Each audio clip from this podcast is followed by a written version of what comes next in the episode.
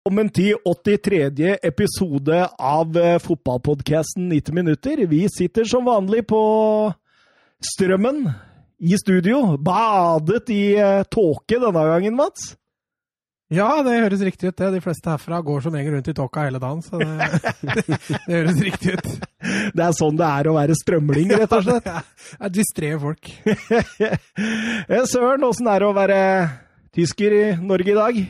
Nei, det er greit. Som, som vanlig, egentlig. Har det fint, jeg. Så. Ja, har du det? Vi, vi snakka litt på, eh, på Messenger i dag. Da ble jeg litt, nesten litt bekymra for det. Nei, jeg har det fint. Altså, det, men altså, det er jo klart de tiltakene begynner å bli litt tungt med, med sitt igjen. Eh, Når man må tilbake i, i litt isolasjon og hele denne pakka. Men eh, sånn er det vel.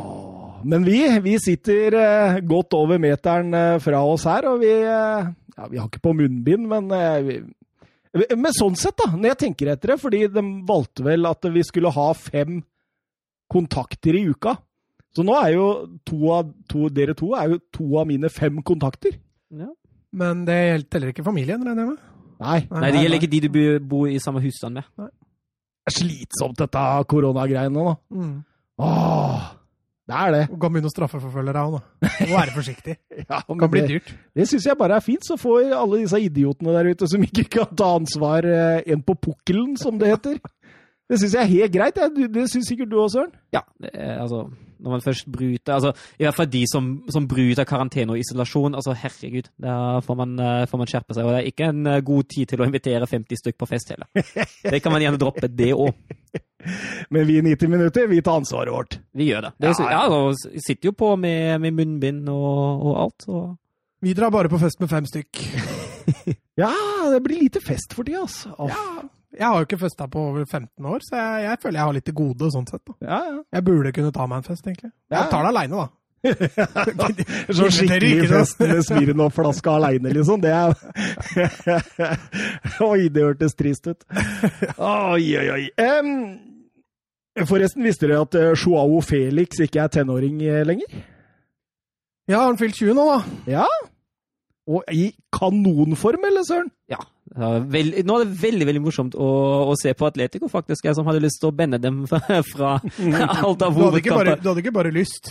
Nei, Jeg hadde, ja, Du la vel ned veto, gjorde du ikke Ja, det? ja mot, mot en i hvert fall, husker jeg. Skulle aldri ha dem som hovedkamp noen gang igjen. Nei, det ut, gadd vi ikke. ut 2020, sa jeg. ja, men det kan jo se ut som vi kan holde. Eh, Vi fikk en Det er eh, Barca Atletico neste her, da.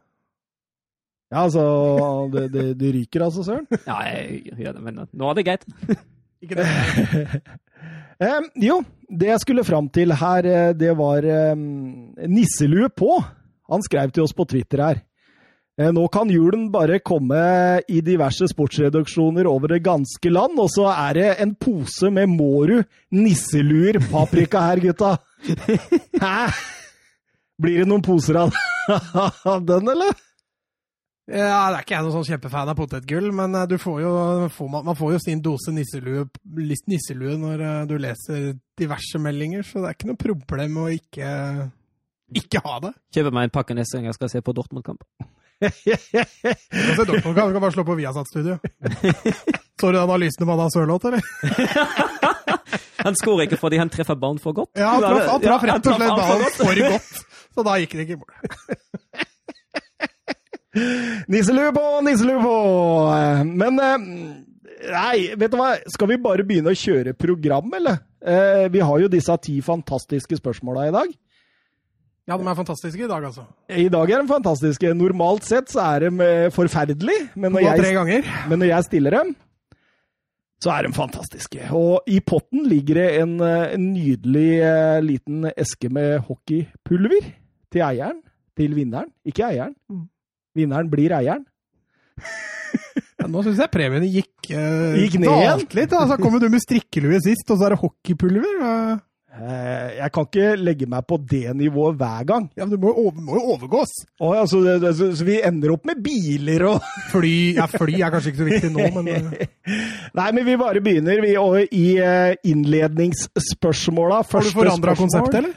Eh, nei. Du sa du skulle gjøre det etter forrige runde. Så. Ja, jeg burde ha gjort det. Men jeg har ikke Ikke sånn uh, veldig, i hvert fall. Eh, Men uh, vi begynner i innledninga med en fleip eller fakta. Jeg er spent på de innovative bidragene i dag. altså. Ja, ja, ja. Og det begynner Har du en penn, eller, Søren? Ja. Kan jeg, det, det er greit å Det er alltid en penn. Det er. T-skjorta til Thomas. Har du en penn, eller? Ja, men da er jo to, for jeg har jo egentlig den jeg hadde egentlig rett også. Ja, du har to T-skjorter.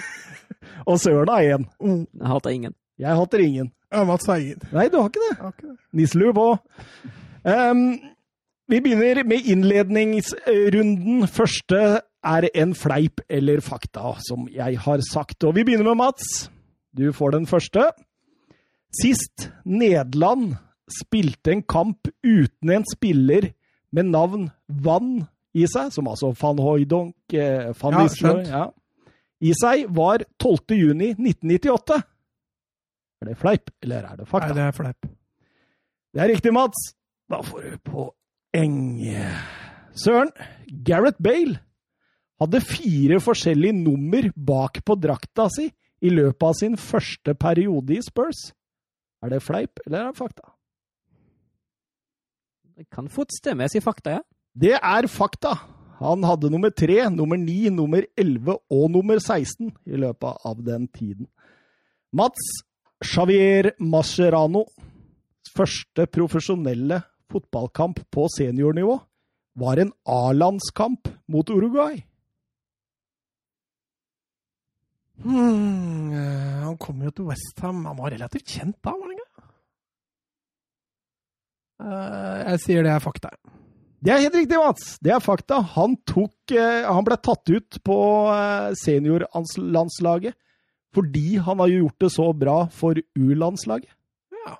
Eh, hadde fortsatt ikke da debutert i Argentina. Så det, den, er, den er vittig. Den er vittig. Eh, Søren, kun Klaren Sedorf var yngre enn Mattis de Ligt som yngste målskårer for Ajax gjennom tidene når de Ligt skåret sitt første mål i klubben i 2016. Nei, det tror jeg er fleip. Det er fakta, Søren. Oi, såpass, ja. Ja.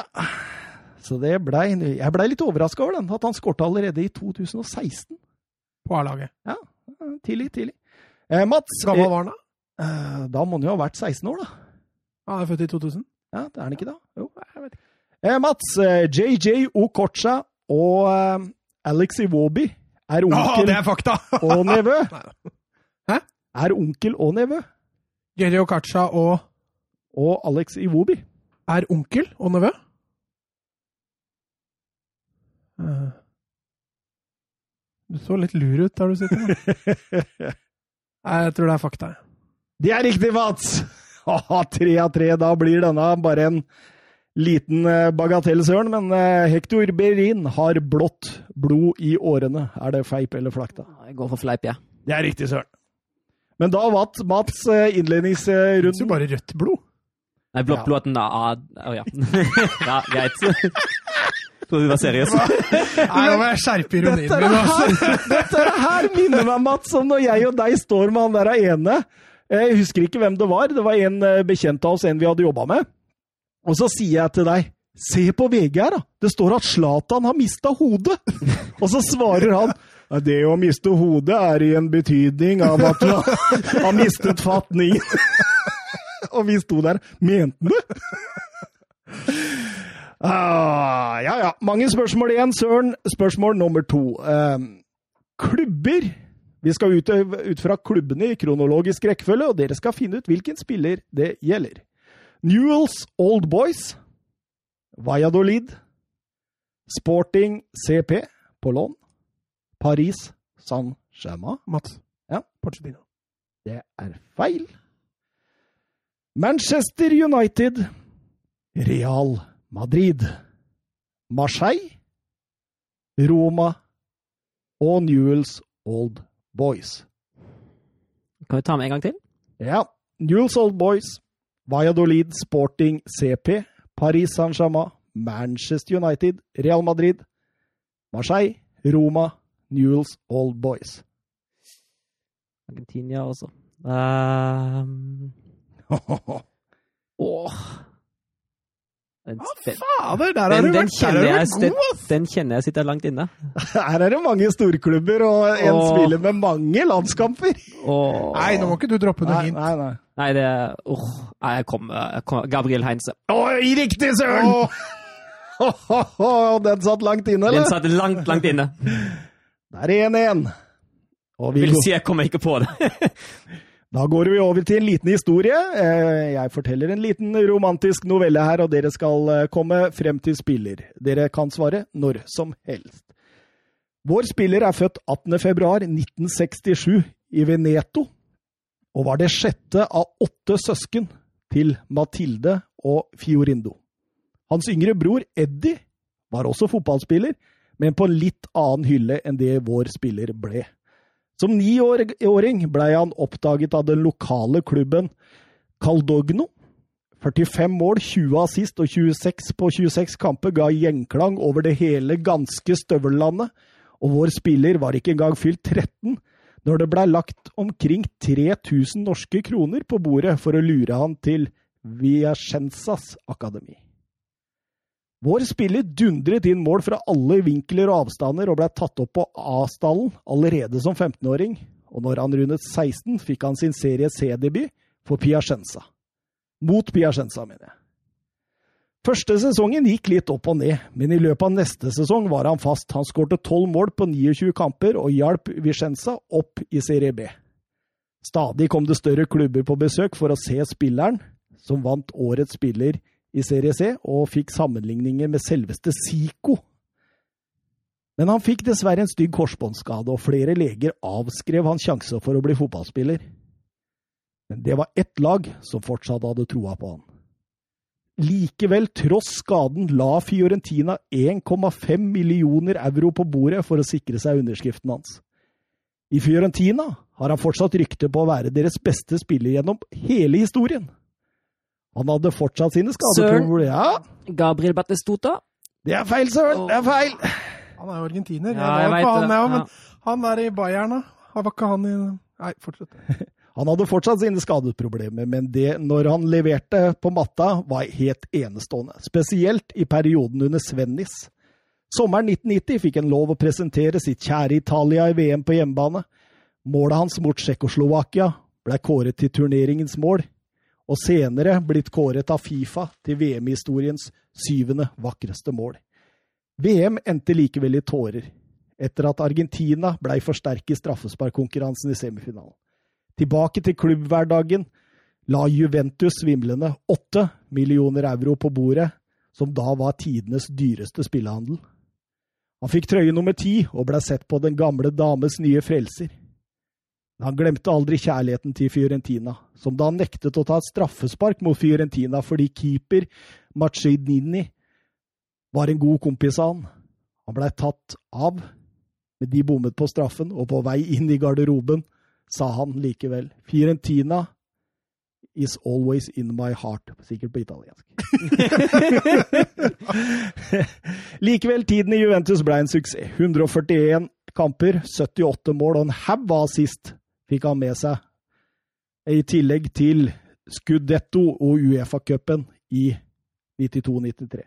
Under Juventus-tiden fikk han også med seg VM i 94, hvor han bommet på det avgjørende Ja, greit, jeg kan ta den nå. Det er Roberto Marcio. Hvor lenge satt du på den nå? Nei, jeg var på Roberto, men så tenkte jeg fader Jeg tenkte jo på Skilazzi òg. Ja, Det var han jeg først var innpå. skjønner du. Så turte jeg tenke om jeg sier Skilazzi eller Roberto Marcio, og så er det feil! Når Søren allerede har brent seg. Da tenkte jeg vent til jeg er safe. ja, ja 2-1, 2-1, Mats. Den uh, satt litt inne. Ok, spørsmål nummer fire. Her må dere være litt raske, tror jeg. Ifølge Transfermarkt, hvem er den mest verdifulle spilleren i dag? Søren! Ja, Det bør være Neymar. det er feil. Mbappe? Ja, Ja, det er selvfølgelig. Det gir mening. Mbappe, 3-1 til mann. På spørsmål fem Hvem skal ut? Da ble Søren Og da blir det 4-1 til Mats. Nei da, nei da, fordi nå har jeg forberedt den litt, så nå sier jeg eh, Av disse fire jeg nevner nå, finnes det én som ikke har vært en del av Hoffenheim-akademiet. Ja. Da blir det litt enklere. Ja, da blir det 3-2, for det kan jo Søren. ja. Ok, navnene er Niklas Syle, Jonas Hoffmann, Sead Kolasinac, Kevin Campbell. Å, den er tøff, altså. Mats. Ja, Campbell. helt riktig, Mats! Nice. Helt riktig. Oi, oi, oi. 4-1, nå, nå, nå er du god. Nå skal vi frem til en fotballspiller, og jeg forteller en liten historie i jeg-form. Jeg blei født i Kinshasa i Kongo, men jeg har aldri spilt en landskamp for dem. Det har derimot min far. Jeg flyttet til en forstad i Paris da jeg var fire år. Derfor har jeg spilt alle mine 71 landskamper for Frankrike. En av disse kampene var finalen i VM i 2006, hvor Zidane skallet ned Materazzi, og vi tapte finalen på straffer. Jeg har spilt med Luis Figo, men ikke med Cristiano Ronaldo. Søren Claude Makelele. Å, den er sterk, Søren. Den er sterk. Ja, det var faen bra gjort. 4-2. Da går vi over til neste, og en ny Hvem skal ut? av disse fire jeg nevner nå, er det én som ikke har vært en del av Valencia-akademiet. David Silva. Isco. Rodri. Portu. Å, oh, jeg, jeg tror det, men jeg er ikke sikker. Skal du prøve, eller, Søren? Jeg tok Tyskland i stad. Kan du få prøve Spania? Jaha, jeg er helt blank. Kan du si navnet en gang til? David Silva. Isco. Rodri. Er det, Portu. er det Rodri i sitt Søren Rodri. Helt riktig, Søren! Han var i Via Real, og nå er det spennende her. 4-3. Spørsmål nummer åtte.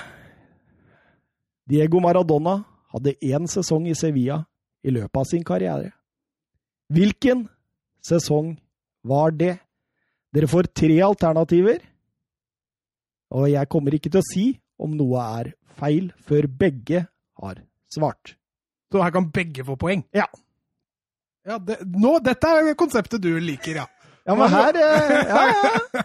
her er vi inne på noe, for da kan begge få lov å tenke litt. Og Men Kommer de sesongene du nevner nå, rett etter hverandre, eller? det får vi se på. Ok. Svaralternativ A 1990-91-sesongen. Svaralternativ B 92-93-sesongen. Eller svaralternativ C 94-95-sesongen.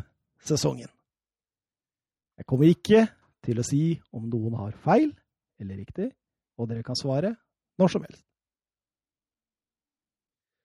Ja, men jeg, kan ikke sitte og resonnere høyt. Det blir veldig Nei da, du, du bør ikke resonnere. Men her tror jeg kanskje jeg lar Mats være først, siden jeg ligger under. og Han eh, kan jo safe ledelsen bare ved å henge seg på mitt svei. Så her får Mats æren, vær så god. Å, den er fin, Søren. Jeg, jeg, har, jeg har en mistanke. Det er dette ti spørsmål handler om. Her skal det bli Men, men taktiske hva, hva sa du for noe? Jeg, du leder? så Nei, jeg du, du leder, Du leder 4-3. og, men hvis, og hvis jeg svarer noe nå, kan du bare henge deg på det svaret jeg gir. Jeg, jeg veit den ene ikke er sann. Ja, jeg vet også den ene ikke er sann. Ja. Jeg vet at én ikke stemmer. Ah, fordi du tok jo selvfølgelig Vet du hva, jeg går for alternativ A. 90-91-sesongen. Jeg går for 92-93. Å, det er så sterkt, Søren! Ah, Det er 4-4. Det var de to jeg sto mellom. Det blei 26 kamper og fem mål for selveste Diego Maradona i den sesongen. Spørsmål 9. Fem spillere har maktet å skåre hele fem mål i én Premier League-kamp. Hele fem? Fem stykker har klart fem mål. Mm. Kan dere nevne to av de fem? Hvis jeg svarer nei, er det greit? Da, da får du null poeng. Ai, altså ai. Premier League, da snakker du 92 til i dag. Ja, ja. Fem spillere Jeg med kan, jeg kan legge, legge til at eh, du finner fire av dem på all time top high-lista. Søren, jeg må bare prøve meg. Jeg sier han ene er Sergio Aguero. Og jeg sier den andre Jeg går for Ellen Shearer, jeg. Det er riktig, Søren! Det er riktig! Aguero gjorde det mot Newcastle i 2015. Og Alan Shearer gjorde det mot Sheffield Wednesday i 1999. De tre andre er Andy Cole, Jermaine Defoe. Nei, Å, da hadde jeg bomma likevel. Jermaine Defoe og Dimitar Berbatov.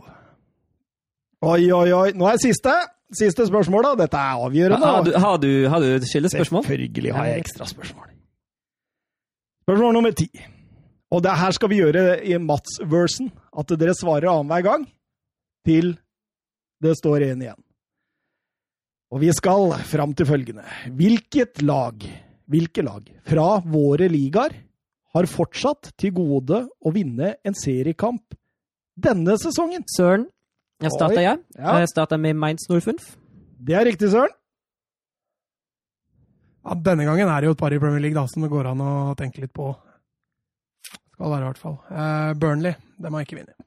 Riktig, Mats. Søren. Sheffield United. Riktig, Søren. Mats. Nei, da nå står jeg ganske stille. Huesca har vel ikke Nei Jo, jeg svarer Huesca. Riktig, Søren. Schalke 04. Riktig, Mats. Nå er det tre klubber igjen.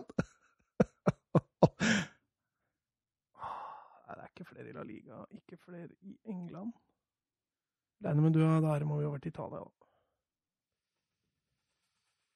Å nei, nå står det jaggu helt stille.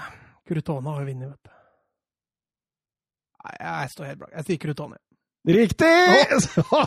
Søren! Erste FC Köln. Det er så riktig! Det er en klubb igjen! Oi, oi, oi, nå imponerer dere så voldsomt. Det er én klubb igjen! Ja, det må jo være Italia.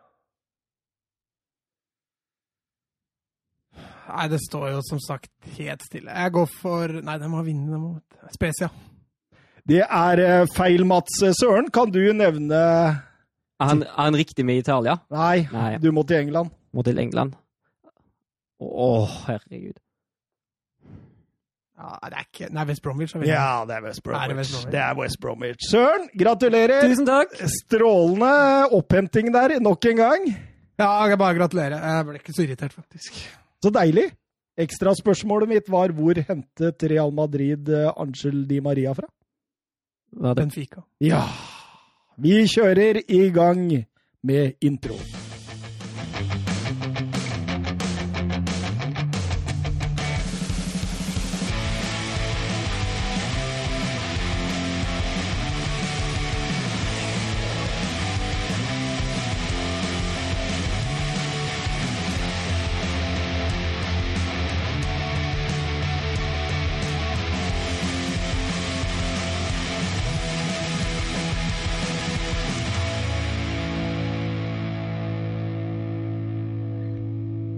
Ja da, ja da, ja da. Da var vi tilbake med Vi har hatt eh, litt eh, tekniske problemer. Det har ikke våre lyttere lagt merke til. Så da, da kan vi jo bare kjøre videre, da, Mats. Ja! jeg veit ikke hva jeg skal legge til jeg, på det spørsmålet. Nei, for du aner ikke hva som har skjedd. Nei, jeg sitter bare og følger med på Twitter og Facebook og koser meg. Ja, ja. Mens jeg som- er- sitter og drar meg i håret her, for det er et eller annet virkelig ille som skjedde her. Eh, plutselig så stoppa alt opp, og nei. Nei, men det, det viktigste er at vi er på lufta igjen nå. Ja. Og da skal vi over til eh, Premier League. Vi skal over til eh, Goodison Park, hvor eh, Everton tok imot Manchester United. Og en Solskjær som ah, Det blei mye Pochettino-rykter eh, fram mot helgen. Ja, var det ikke Manchester Evening News da, som var ute og meldte at United har tatt kontakt med, med Pochettino, og da var det norske medier eh, fort på. Til og med NRK snakka litt fotball når, eh, når det skjedde. men eh, men dette har jo vi etterlyst lenge, at det vil heve Manchester United voldsomt, både på kort og lang sikt. Ja, jeg tror vi er ganske enstemmige om at skal United nå en høyde til, så tror jeg nok ikke Solskjær er rette typen, altså. Fordi dette er så typisk. Mm. Nå går de på en kjempeblemme, og så vinner de neste kamp når det brenner som verst. Ja. Så går det to uker, og så brenner det igjen. Og da vinner de den kampen òg. Og så har du liksom de to, i hvert fall på Twitter, da, så har du de som er veldig pro Solskjær. Som er veldig sånn uh, Han må få tid på seg, alt mulig sånt. Og så har du de som liksom hver eneste gang Manchester United taper, så, eh, så vil de ha hodet hans på et fat. Eh, hvor er du i den diskusjonen, Søren? Nei, altså Verken eller. Jeg står et sted midt imellom, men Nei, altså, det finnes bare to, sa Tom. Ja, det gjør jo det. Men altså, jeg, er jo, jeg er jo enig i at for klubben Manchester United har det beste vært å, å ansette Pochettino og kjøre videre med ham istedenfor Ole Gunnar Solskjær. Vil tro det. Altså, hvis vi trer på oss nisselua, så er det, det er litt å, å ville ha han der, på en måte, fordi han er norsk. Ja, men samtidig så er det jo Og og jeg, jeg er ikke Manchester United-supporter, så jeg kan gjerne ha han der. Men, men, men altså, nå snakker man jo om altså, det, Husker du når eh, Moyes fikk sparken, når van Gaal fikk sparken og Mourinho fikk sparken? Så var det jo sånn at eh, United skulle være på topp. Rett og slett i, i hele Europa. Det var, det var verdens største klubb. Vi skulle legge lista deretter. Nå så er det liksom sånn ja, så lenge vi kommer inn på topp fire, så er det greit. Er det greit for et lag som Manchester United? så? Nei, det er vel eh, en av verdens, om ikke verdens største fotballklubb, så det kan jo ikke være greit å være topp fire. Eh, Og så liker jo den argumentasjonen igjen som kommer at nei, nå har jo sparka, vi har jo sparka Moyes, vi har, vi har sparka Van Gaal, og vi kan ikke drive og sparke trener. Det er jo ikke så rart at du må sparke trener hvis ansettelsen etter oppsigelsen blir like dårlig. Hvis ikke du får bedre med ansettelsen, da må du sparke den igjen. Altså, sånn er det jo bare. Helt riktig, helt riktig. Men eh, Solskjær tok jo en eh, fin seier her, da. Det ble en veldig rolig åpning på matchen før eh, Everton tok ledelsen. Ja, altså Everton har jo, har jo mest ball. United sliter med, med det de er gode på, nemlig nemlig å kontre. Og så får de jo egentlig den verst tenkelige starten når Everton får målet. Route one der, rett opp fra Pickford til Dominic Calvert-Lewin, som stusser Bernard videre, som setter den i nærmeste. og Da, da leder jo Everton 1-0. og Det er litt sånn typisk United på bortebane de siste kampene, at de, de har ligget under. Men så snur dem, og det skjer jo også denne gangen. Og det kan vel si takke være Bruno Fernandes, for for en fantastisk kamp han gjør. Ja, Søren var vel inne på det sist, at United er avhengig av at han spiller bra for å vinne fotballkamper. og det... mm, For United og Solskjær så hadde han heldigvis en fantastisk og spesielt først, god første omgang. Altså, han gikk foran i krigen. Mm. Det er liksom noe jeg ikke har sett så veldig ofte han før. Altså, han, At han har vært den kreativiteten de trenger og sånn, det, det, det er jo ubestridt. Men nå gikk han fram og kriga. Han, han burde jo kanskje til og med hatt to gule, men, men slipper unna og, og skårer jo 1-1-mål. Everton faller lavt der. Og når det ikke er aggressiv press eller noe Men jeg syns Everton etter landslagspausen har vært skuffende. De hadde et bra resultat mot Liverpool, og etter det så har det gått dårlig. Spillmessig har de tapt seg siden, eh, siden starten, og resultatmessig åpenlagt så har de tapt seg. Så Everton fortsetter å skuffe. United det er vel egentlig der vi kan forvente av dem på dette tidspunktet, tror jeg.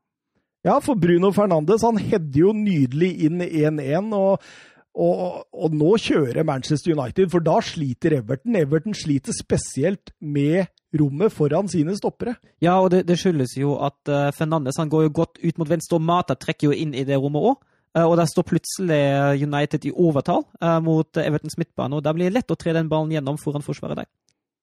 Nei, Det er, jo, det er jo som godteributikk for en spiller som eh, Bruno Fernandes er. Og jeg syns også Rashford er flink til å komme inn og bruke det rommet. da. Mm. Så eh, det tar jo ikke lang tid før eh, United har snudd det helt. Eh, Det er litt likt som det første målet. ja, det er, Bortsett fra at Rashford bommer på ballen. Ja, det, jeg trodde det var Rash Rashford lenge. Ja. Men eh, det er, den chipen inn på lengste der, den holder, den. Og Bruno Fernandes kan der titulere seg som tomålsskårer. Og, og, så, og så begynte jeg å tenke, hvor bra er egentlig United er, og hvor dårlig er Everton? Fordi nå spiller Everton fryktelig fotball. Mm. Altså, Holgate og Keane de sliter i markeringene. Ducoré og Allan sliter med å tette rom. Det blir veldig enkelt hele veien å spille opp på dette rommet gang på gang. Og jeg syns Allan, spesielt i første omgang, sliter med tempo, altså. Ja, han, eh, han, han sliter med å dekke nok av rommet han er overlatt til, spesielt i mellomrommet som du prater om. Og, og så er det jo, når du har to stoppere, da, så er jo for så vidt Holgate ganske rask, men, eh, men eh, det går litt sakte i sideforskyvningene bak der òg, for Everton. Ja. Annen omgang Ja, det var nesten et stortighetsspill. det. Mm. Ja, det var jo det. Og altså, Ever Everton vet ikke, de prøver, jo, de prøver jo, men det, det, blir, det blir veldig harmløst. Det blir veldig tafatt. Det setter ikke United-forsvaret på noen salige prøver, egentlig. Eh, Går, går jo ut av den kampen med en expected goals på 0,38 år. Så Ja. det, det vitner jo av en eh, fantastisk harmløs kamp der framme.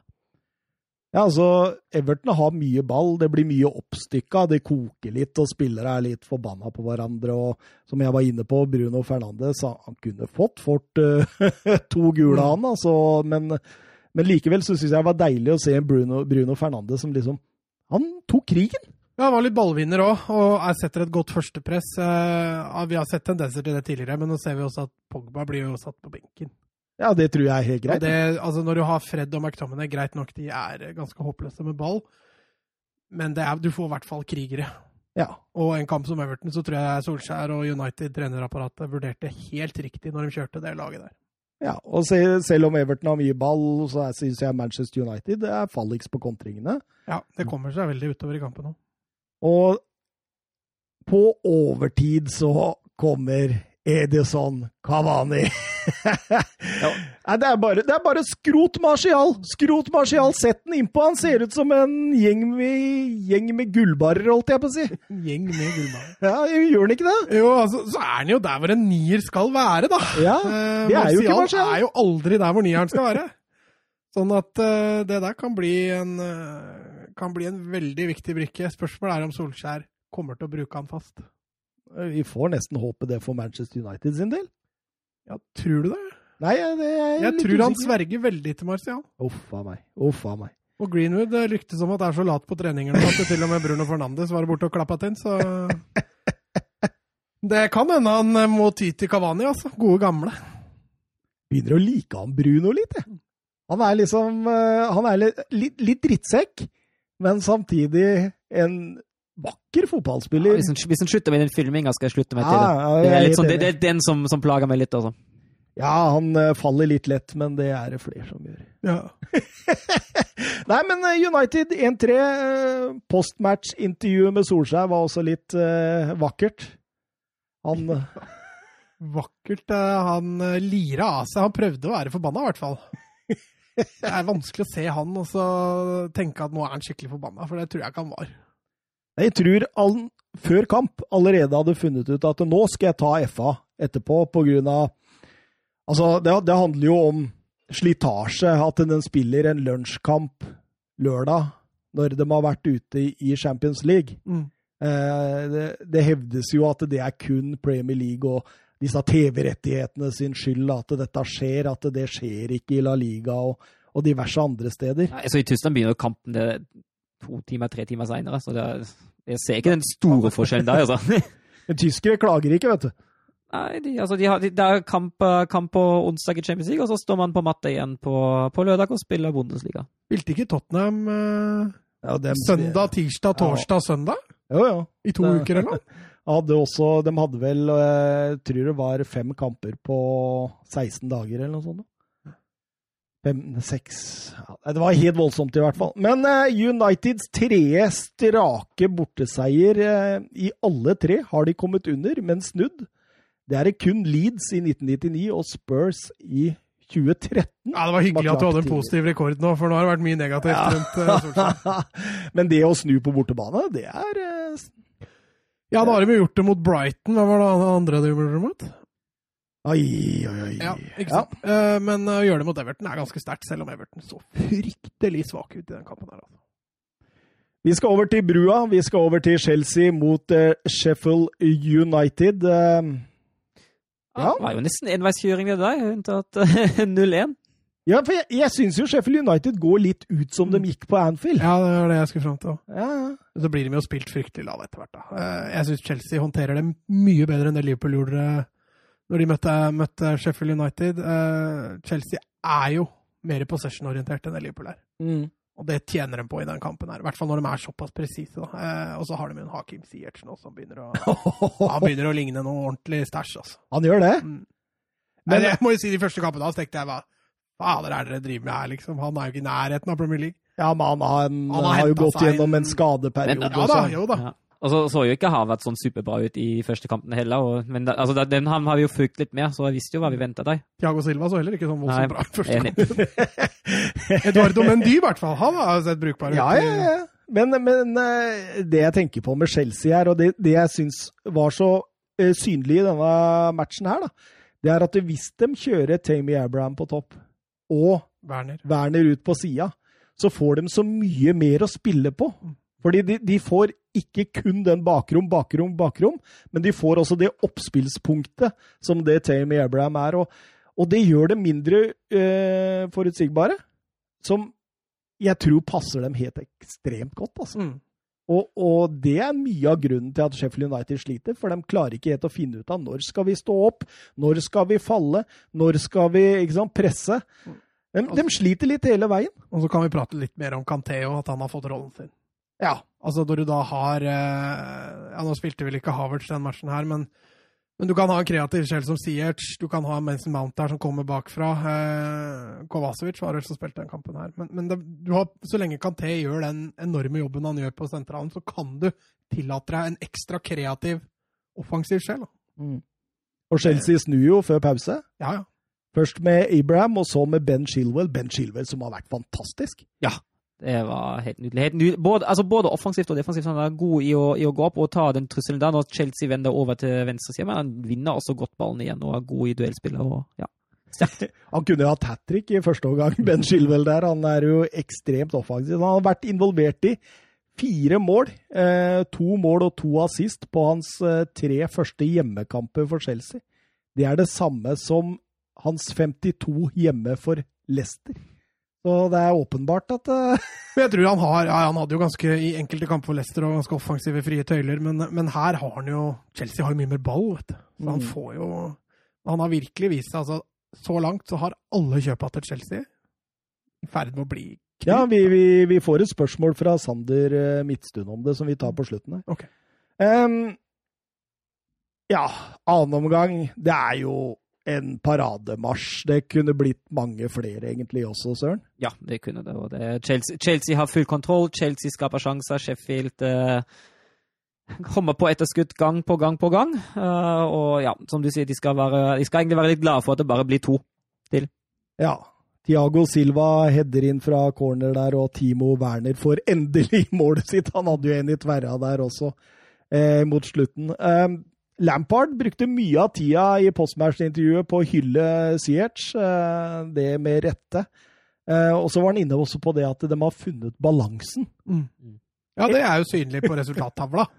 Ja, og at de ikke slipper inn fire hvis de skårer fire. Em, hva, hva tenker du nå framover med Chelsea? Er det en gullkandidat, eh, Mats? Eh, Ja, sånn som Premier League er nå, så er det klart det er mange gullkandidater der akkurat nå. Eh, Chelsea er en av dem, og, og de, de ser eh, Etter de hadde den fatale kampen, 3-3-kampen, så, så har det snudd. De har sluppet inn vel bare to mål på de siste fem. Og da begynner dette å ligne, ligne noe. Jeg tror ikke det er ikke bare ett mål de siste fem, faktisk. Søren, du er enig, eller? Ja, det er jeg. Har ikke noe mer å tilføye. Nei. Um, Sander Midtstuen han spør sett terningkast og ranger kjøpene til Lampard denne sesongen. Synes Chelsea ser ekstremt gode ut nå. Eh, og da tenker jeg kjøpene da som har av betydning, er jo Siech, Shilwell, Werner, Havertz, Mendy og Tiago Silva. Ja. Det er liksom forsterkningene sånn på, på Malang kort Sarri skal vi ikke kaste terning over. Eh, nei, han er vel eh, Nei, det- ikke inni der. Men så er det Jeg syns jo det er litt tidlig å kaste terning, da. Ja, det er det. Men, men vi kan jo ta en sånn pre-vurdering av det. Og da kan vi begynne med Ziyech for 40. Ja, for du vil ha med prisen inn i bildet òg? Ja, for det, vi må jo i Ja, da blir det jo fryktelig vanskelig, da. ja, men vi Han har jo levert fryktelig lite. For det lille han har levert, så er jo ikke det verdt 40 millioner. Nei, men, det, men eh, Se det store bildet nå, Mats. Altså, ja, jeg tenker jo at utviklingen peker jo rett vei med den kampen nå, som vi så mot Sheffield. Og han står til sammen med sju, sju kamper for Chelsea, to mål og tre assist. Det er ikke så dårlige tall med tanke på at han ikke spilte nødvendigvis alt fra start og kom inn, eh, og har kommet seg veldig de siste kampene. Så jeg, akkurat nå er jeg veldig positiv til at det kommer til, kan utvikle seg i en veldig god retning. Jeg har absolutt tro på at Siech Ziyech er en spiller som kan gjøre Chelsea bedre. At han har kvaliteter, det vet man fra før. Jeg setter en sekser på den. jeg, Altså. Terningkast seks. Jeg, altså For Jeg- 40 millioner, og det der, som det der, der viser nå, det er helt ekstremt, Mats. Det er altså Dere sier han spilte ikke så mye i starten. Nei, han gjorde ikke det, for han var skada. Så kommer han inn, får et par innbytter, og så begynner han å starte. Og med en gang han starter en match, så begynner han å produsere. Og nå ser det, det ser jo ut som en assistmaskin på nivå med Kevin De Bruyne. Ja, altså Jeg syns jo de første innhoppene han hadde var relativt svake. Ja, da. Eh, så har han hatt de to siste kampene hvor han har vært enorm og vært stor bidragsyter. Et terning, det var vanskelig. Det får bli fire, da. Fire. Ja. Men at han blir, han blir en sekser, det tror jeg. Ja.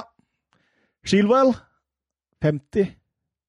Det er Ja, jeg synes jo, Nå var jo han ute i starten òg, med skade, men eh, jeg syns vel han er den som har vært jevnest. Mm. Han var god med en gang når han kom inn, så da må jo han få en eh, fem pluss seks, da. Ja, deilig. Jeg er helt enig. Er Ja, du så? det er helt enig. Werner til eh, 53. Ja, det er jo også en uh, soleklar forsterkning Chelsea har der. Uh, begynte jo allerede å starte bra i en første kamp. Har vært litt varierende innimellom, men i det store og hele absolutt en spiller som Chelsea trengte, og som kommer til å har prestert godt, og som kommer til å fortsette å prestere godt. Det er på 5-6 her i år. Ja, jeg tror han kommer til å dunke inn haugevis av mål framover. Men det er litt samme som med Siertz. Han var fryktelig varierende i starten, som Søren sier. eh, Så jeg får lande på en firer på han òg, da. Men jeg, jeg, likevel Altså, vi, vi hører jo om spillere som bruker et år på å ta nivået. Eh, dette er, Han går rett inn og Altså, se, se på den statistikken. Han har spilt tolv offisielle kamper for Chelsea en sesong. Åtte mål, tre assist. Det er elleve målpoeng i tolv kamper. Det, det er sterkt, altså. eh, taler for seg sjøl. Kai Havertz 80. I forhold til pris så har jo ikke han levert sånn voldsomt, men du ser jo stigninga Ja, ja, ja. i programmet. Men det, men det gjelder jo alle vi snakker om her, da. Eh, Sånn som Hvis vi bare skal ta de siste kampene, så ville jo nesten alle fått seks. ikke sant? Hvis du skal legge til grunn det i starten, altså Havertz var kanskje den som var kanskje svakest av dem, men, men allikevel som har løfta seg til å bli bra. så... Hvor lenge er han ute nå, Søren? Har du kontroll på det, eller? Nei, det er jeg dessverre ikke. Hvis jeg begynner på Han kommer til å bli en sekser. Ja. En eh, en fire-fem. Ja, akkurat nå er jeg på fire-fem i år. Men de får 24. Ja, det har jo vært en, det også vært en altså, Ikke det at han har gjort så fantastiske redninger, men det er liksom en trygghet en plutselig har fått inn der. da.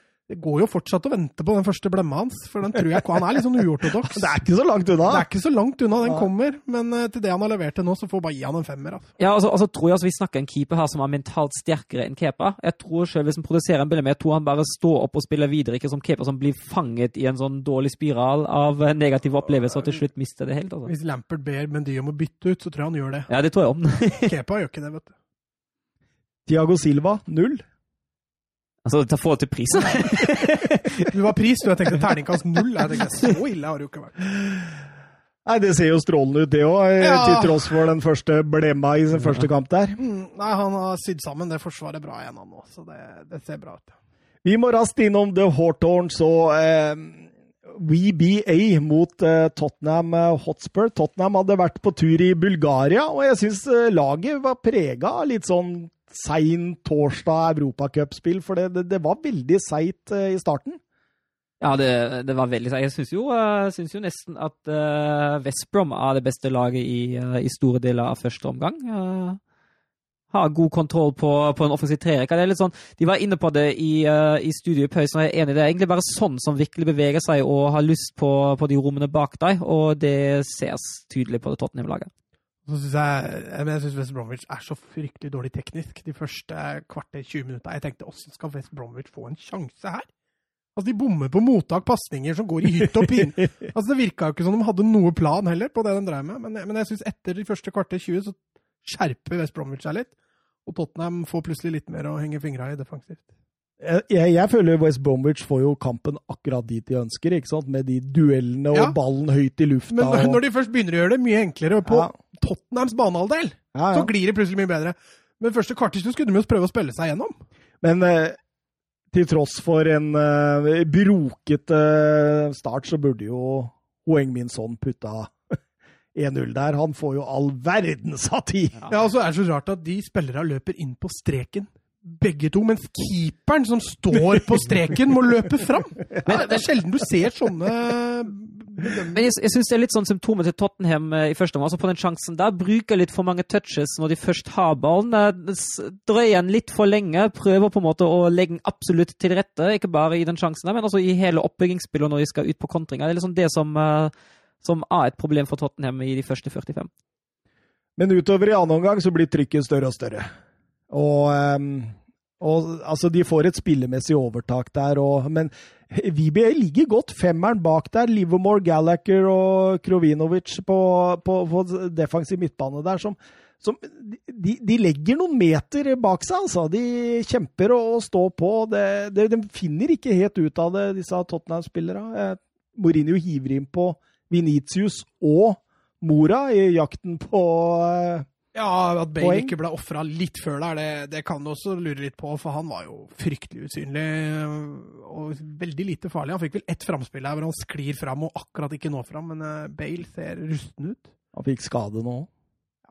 Mm. Så da var det den kampen i år hvor de tre spilte sammen. Men så er det jo sånn, da, at uh, når VBA og Tottenham møtes og det blir en relativt jevn batalje, så har jo Tottenham noe som ikke West Bromwich har. Det er en Harry Kane. Ja, Kane skåra vel et par mål i midtuka òg, så det var jo uh... Det var fin, det hvor Ludo Goretz sa bare 'Kane starter'! Å, ja, han skårer og assist, og så ut etter 45. Han har gjort jobben! Men han fikk 90 minutter nå, og han eh, Altså, jeg sitter jeg, jeg så det målet der, så klarte jeg ikke helt å bestemme meg. Er det en keepertabbe, eller tenk, er det ikke en keepertabbe? Jeg tenkte med en gang keeperen har svakt deg. Det var, min, det var min første inntrykk. fordi han, han kommer ut halvhjerta, og jeg tenker at hvis, hvis du først skal Men jeg, jeg skjønner han ja, men stopper. Men det er jo en duell jo. med Bartley. Men, så, altså, så, keeperen må jo ikke ut der? Nei, det er akkurat det jeg mener. Det er ja, det, det, det, som er poenget mitt. fordi Han ja. kommer ut halvhjertet, og hvis han først skal ut halvhjertet og ikke kaste seg inn i det, da skal han stå på streken og vente deg? Ja, han må stå. Ja, ja helt enig. Så da er det keepertabbe, da? Ja, jeg syns det. Ja, hadde han tatt den hvis han stod, stått Ja, det er det som er spørsmålet. da. Hadde han tatt den og han stått på streken? Jeg føler ikke at jeg har så mye å si om det er en keepertabbe eller ei, for han hadde hatt større sjanse til å ta den hvis han hadde stått på streken. Og er det, sånn, det, er jo det han skal spille på, at mulighetene da er større. Men hadde han ikke rukket noe hvis han hadde gutsa der? Kanskje. Det, altså, han hadde, hadde måttet gått i ryggen på Kane, da, det er det ingen tvil om. Ja, og på Bartley òg, for han hang jo bånd. Ja, ja, men, altså, det er jo bedre det enn å slippe inn et mål, da. Ja. Men, ja, altså, men er, er, ikke det keeperregel nummer én, At i en duell så skal Jo, men det er når spillere er rettvendt. Ja, du tenker Her er jo begge spillere feilvendt. Og da skal du egentlig bare altså, Du kan godt bare brøle og hoppe i det, altså. Hvis du roper da at Barkley skal gi seg, da Åh, ja, ja, men... det lukter straffespark òg, altså! jo, men går han på ball? Ja. Altså, jeg sier ikke at keeperen Jeg vet ikke om han hadde nådd den. Det er greit å måke ned Kane der bare for å treffe ballen, men uh, han gjør i hvert fall helt Jeg mener også det er jo, han gjør jo ingenting. Han havner jo i et ja. ingenmannsland der som man ikke skal havne. Tottenham har dermed vunnet alle sine fire første bortekamper. Det har kun skjedd tre ganger tidligere i klubbens historie. Eh, Kane satte sitt 150. Premier League-mål på 218 kamper. Det er kun Scherer og Aguero som har gjort det på færre kamper. Det betyr altså Kane har vel det på 218, mens uh, Scherer på 212 og uh, Aguero på 217, så det er veldig Han forter seg, og så kommer han til 200 før noen av de andre. og uh, Mourinho han brukte mye av intervjuet etter kampen på å hylle sin målskårer. Han sa at det er pakka Harry Kane. Da. Det er liksom du, du har veldig mange spisser som bare skårer mål, eller ikke sant? Men, men, Kane, det handler ikke bare om mål og assist, som han sier. Det handler om å gjenvinne ball. Det handler om klareringer på motstanders eh, dødballer. Eh, rett og slett en pakke du ikke finner andre steder, sier eh, Mourinho. Eh, kan vi være enige om det, eller, eh, eller har Lewandowski det i seg òg? For det, jeg, jeg syns jo det er en Lewandowski-Kane-diskusjon som begynner å gå nå, da. Ja, altså jeg jeg syns jo Lewandowski har de, har de kvalitetene her nå. Uh, ja, det er jeg ikke helt enig med. Jeg synes, men jeg syns Lewandowski er mer ekstrem enn Kane i boks. Syns du? Ja, det syns jeg. Jeg syns han er en be litt bedre, men så er Kane har litt den X-faktoren Jeg sier ikke at Lewandowski er dårlig til det, altså, bare så nei, nei. Jeg sagt. men jeg syns Kane har den lille X-faktoren med at han dropper ned. Ja, men det, altså, det handler jo litt om spillestil. Lewandowski trenger ikke å ja, gjøre det. Ja, helt riktig, men Men Lewandowski blir jo fora mer i 16-meteren òg enn Kane. Ja, men uh, jeg føler, ja, det blir han jo absolutt, men jeg føler at Lewandowski fortsatt har de kvalitetene til å gjøre det på samme måte hvis det er behov, men han trenger jo ikke gjøre det fordi Bayern har en litt annen spillestil enn Tottenham. Der. Ja, eh, det kan så være. Jeg trekker fram også Erik Dyer, spilte sin 250. kamp. Var fantastisk baki der. Du, nesten en spiller man avskrev litt på slutten av Pochettino-æraen, mm. men, eh, men, har gått ned på stoppeplass nå og det, leverer jo. Ser du hva tillit gjør, da. Ja. Første Mourinho gjør når han tar over, er å dytte Dyer inn. To år etterpå så er han dritgod. I, i Amazon-dokumentaren så tar han jo inn Dyer ganske tidlig. Og så sier han til Dyer at uh, hva, er det som har skjedd med deg, liksom? Jeg, jeg, jeg har prøvd å kjøpe deg mange ganger tidligere, liksom. Jeg veit hvor god du er. Hva er det som har skjedd? Hvorfor falt du ut? Han skjønte ingenting, liksom. Og, ja, jeg skal gjøre deg til Verdens beste stopper, liksom. Ja, for Han var jo egentlig på sitt beste i Tottenham når han var defensiv. Ja, ja, ja. Ja, ja, Det er det som er litt merkelig. Hovedkampen Manchester City, Manchester United Nei, liksom. Liverpool.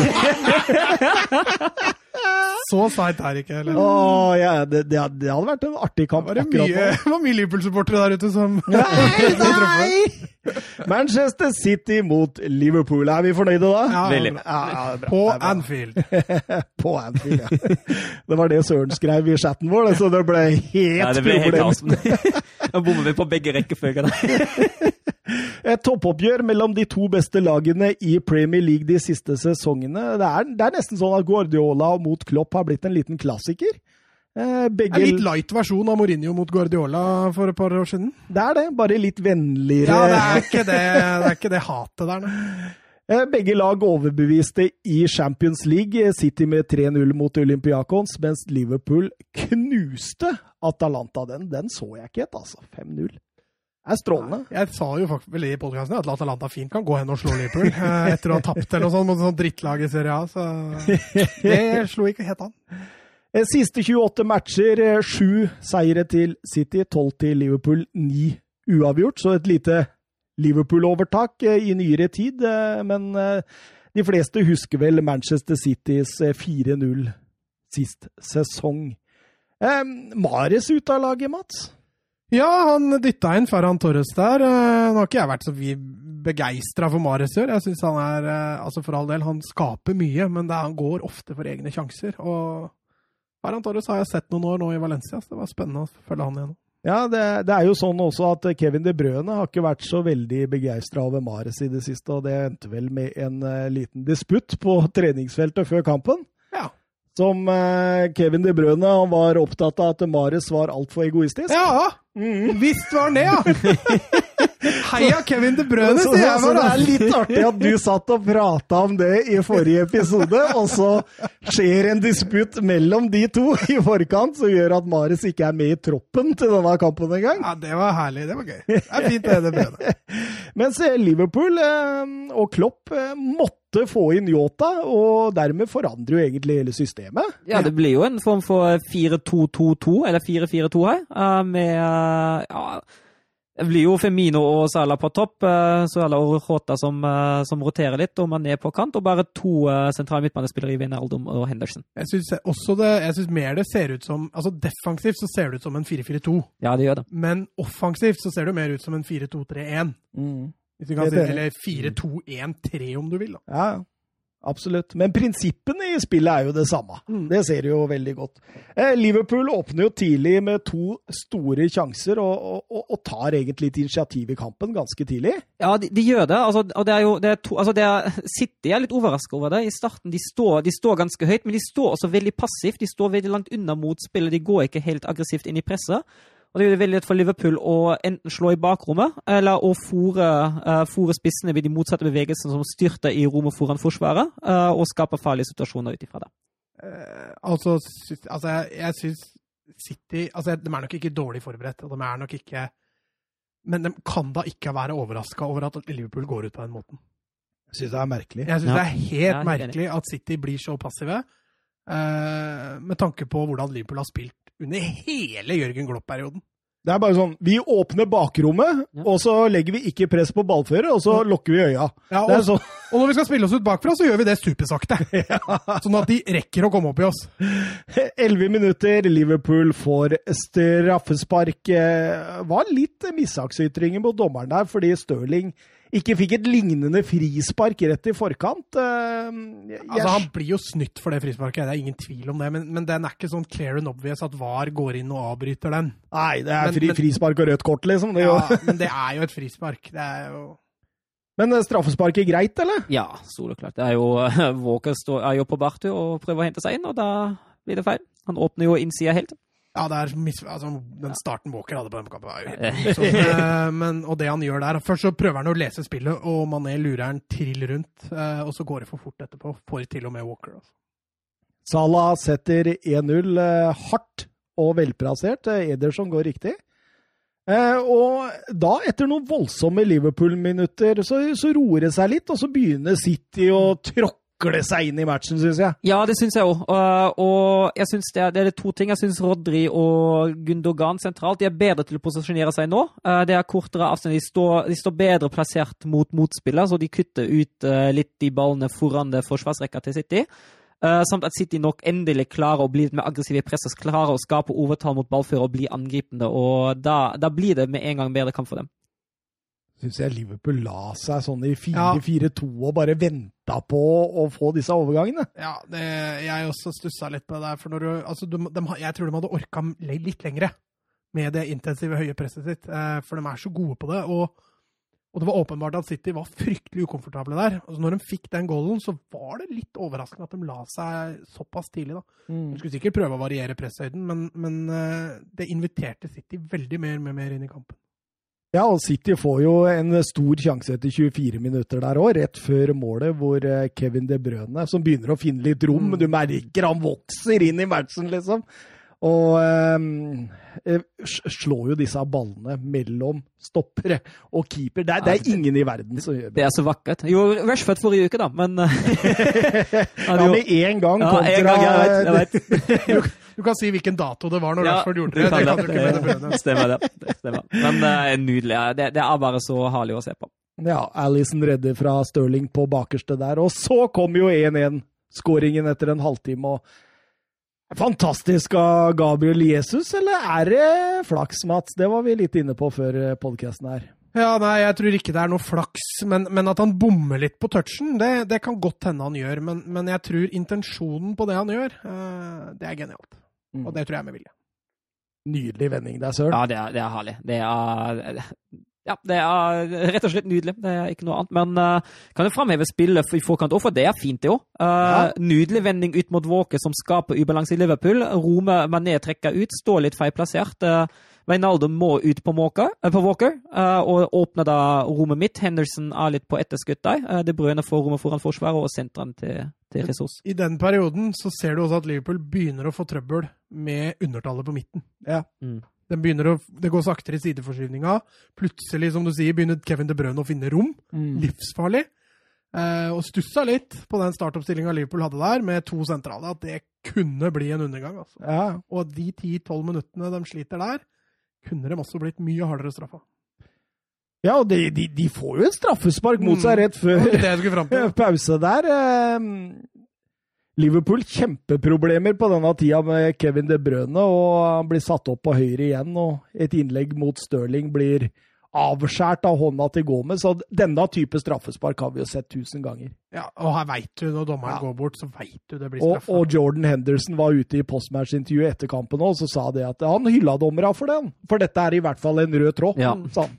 Ja, men også er det akkurat den der syns jeg kan være hens eh, ti av ti dager i uka, ja, fordi henda ut fra kroppen det er ikke en naturlig posisjon, eh, og han hindrer faktisk noe det skal bli en opplagt sjanse over.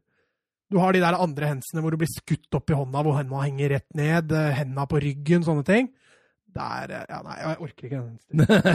Jeg dropper det. Sorry. Jeg tar det tilbake. Kevin De Brøne han stepper eh, fram og bommer, han søren. Ja, fint at han, eh, han ikke har glemt helt sine Wolfsburg-drakter. Gjorde akkurat det samme som Vord Wehrhos drøye 45 minutter tidligere. Så, Rekdal, jeg som sa de beste straffeskytterne skyter aldri over eller utafor. ja, det, han kan ha et poeng i det, mm. Rekdal. For i Premier League så er dette første gang siden 2018 at noen bommer på straffe ved å ikke treffe mål. Så mm. dette er ikke noe som skjer ofte. Og sist det skjedde, var Mares mot Liverpool på Anfield. så City har en eh, tendens når de møter Alison til å, å bomme på mål. Eh, men selv om dette er egentlig City maler over Liverpool her, så får jo Liverpool en kjempekjanse rett før pause også er det de som feilberegner mot, uh, mot Mané, og Mané drar inn og inn og inn, og så slipper han til slutt til, til Sala, og Sala gjør det jo nydelig videre til uh, Alexander Arnold. og da er det, er det sånn et flaks til slutt, at ikke den, at ikke den går inn. Raskt oppfatta ja, han kommer bak der foran Yota, fordi Yota så jo på dette som en mulighet til å, å pirke inn et nytt mål. Inn et nytt mål ja. Men det er altså Mané han leiter etter skuddmuligheten, det er det ingen tvil om. Han mm. prøver å se åpningen, prøver å se åpningen, men det ødelegger også litt for Salah.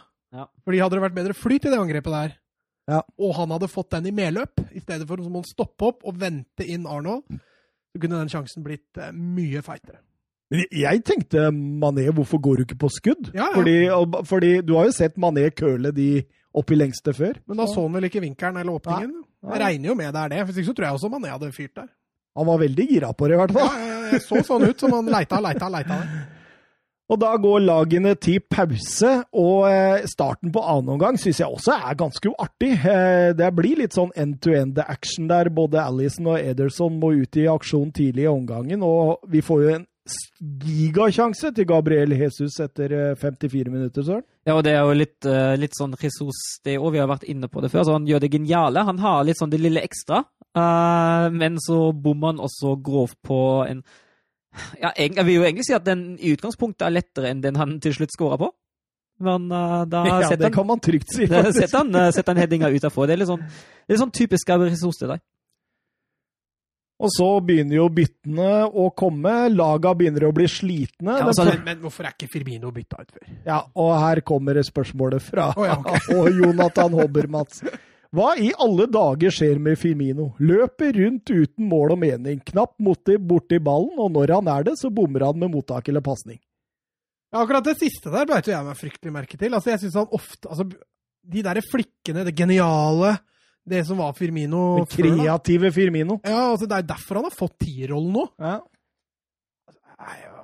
ja det er det. Hva skal man si, liksom? Altså, Greit nok, han løper jo mye, og han har hvite, fine tenner, og det ser jo bra ut, men det, han får ikke til en puck, altså. Han har hvite, fine tenner. Nei, det er, det er veldig merkelig. Det, på denne tida sist sesong så satt vi og snakka om eh, en av verdens beste falske niere. Mm. Og, og nå ser det ut som han ikke hadde fått plass på VBA engang, omtrent. Ja, nei, det hadde han nok ikke. Altså, han har Det ser i hvert fall ut som han har et par stein i skoa, og begge skoa òg. For det, det stemmer ikke, den, den rollen han har fått der, hvor han har Sala rett ved siden av seg. Det, Men det er kun form, eller? Vi er, han er ikke jeg ferdig. tror også det er litt form, altså. Men, men han har vært sånn Det er ikke noe mål inn lenger. Det er veldig få mål. Ja, ja. Og han spiller for et av verdens beste offensive lag. Og vi har skylda han for at han kanskje er en av de viktigste brikkene offensivt. ja, fordi han er jo grunnen til at Mané og Ja, han Salah serverer. kan ja, Og er flink til å ta på seg oppmerksomhet og all den biten der. trekke stoppera ut, sånn at det blir bakrom. Ja, ja. Og. Men eh, det vi har sett av Firmino med ball, det, det, det ser ikke bra ut. Altså. Så, så det skjer jo en haug av bytter, og det blir jo oppstykka spill, og du ser dem er slitne. Jeg satt og tenkte her, hvem er det som har mest å gå på nå? De vinner kampen. Det blir Eh. et gjesp. Altså. Ja, men det gjør det. Altså tror jeg ingen av de er sånn supermisfornøyde med 1-1 heller. Det Nei, tror jeg er sånn helt Altså, greit for begge. Tror jeg begge trenere så det kampbildet, dem òg. At eh, vet du hva, her er ikke mye bensin igjen på tanken. Vi må bare gjøre byttene, og så skulle vi vinne, så får det være positivt. Men her tror jeg det handla mest om å ikke tape, altså. Ja. Og det klarte de jo, begge to. Ja, det gjorde de. det, det, det tusla jo inn til 1-1 uten noe spesiell sjanse. Ingen av laga tok noe voldsom risiko, og da, og da får jo Mats rett på resultattipset sitt nok en gang. Det var bra jeg ikke traff på neste, for da skulle jeg lagt opp. Eh, jeg, Thomas, eh, får ett poeng for min 2-2. Eh, og Søren, du tippa Manchester City-seier. 1-0, ja. Så det blei null poeng. Banens beste, har vi, har vi det framme, eller? Ja, skal jeg begynne? Be- Begynn, du. Jeg syns det var vanskelig. Ja, det, var, det var skikkelig vanskelig. Jeg syns det var fryktelig vanskelig, for det var Tenk, så tenk om vi får ni forskjellige nå. Nei, det det, kan, det, kan, det kan fort hende, altså. Jeg, hadde- jeg tenkte jo litt på det. Det var jo en Nei, Ni hoved... forskjellige skal vel litt til, men uh... Jeg tenkte litt på det. det var, den andre hovedkampen det var mye lettere å finne, å finne tre der. Det fant jeg Ja, ganske men, kjapt. men her var det veldig mange som var gode. Ja. Ja, som Ja. var OK Ja, gode. ja. Det var ingen som skilte seg ut veldig. Enig. Og så var det noen da som skilte seg ut veldig i andre veien. Firmino og Kyle Walker. Det har vært lett, lett å telle ut, dele ut banens dårligste. Kanskje vi skal begynne med det? Nei, men begynn du, Mats. Ja, jeg kan begynne. Jeg lander jo på krigere, da. Jeg sliter med å finne gode Så jeg gir faktisk til, til Henderson, eh, som får tre. Han syns han legger det Selv når Liverpool Og der du legger så godt merke til han de siste 20, for da er han den krigeren. Nå begynner Henderson å få mye Ja, stjerner. altså. eh, så jeg syns uh, Tenkte på det. Skal jeg tørre å gi, eller så får jeg bank av Thomas? Eller? Nei, men jeg, jeg, jeg har nesten snudd litt jeg, i den der tankegangen. Ja, han, det trenger han! Ja, de gjør det. Og i hvert fall når Ja. Liverpool må grinde sånn som de må nå.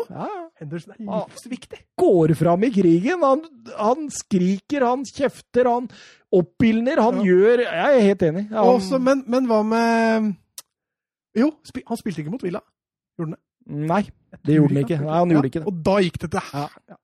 My point. Eh, så har jeg to til Gundogan. Eh, var en av de bedre på midten til, eh, til City. Rodri var også brukbar, men, men jeg syns Gundogan er litt mer toneangivende offensivt. Så så jeg lander på han. Ett poeng er Jeg kan kaste terning altså på, på par av dem, men jeg syns Mané kan få han. Han er litt frisk offensivt, og spesielt i første år.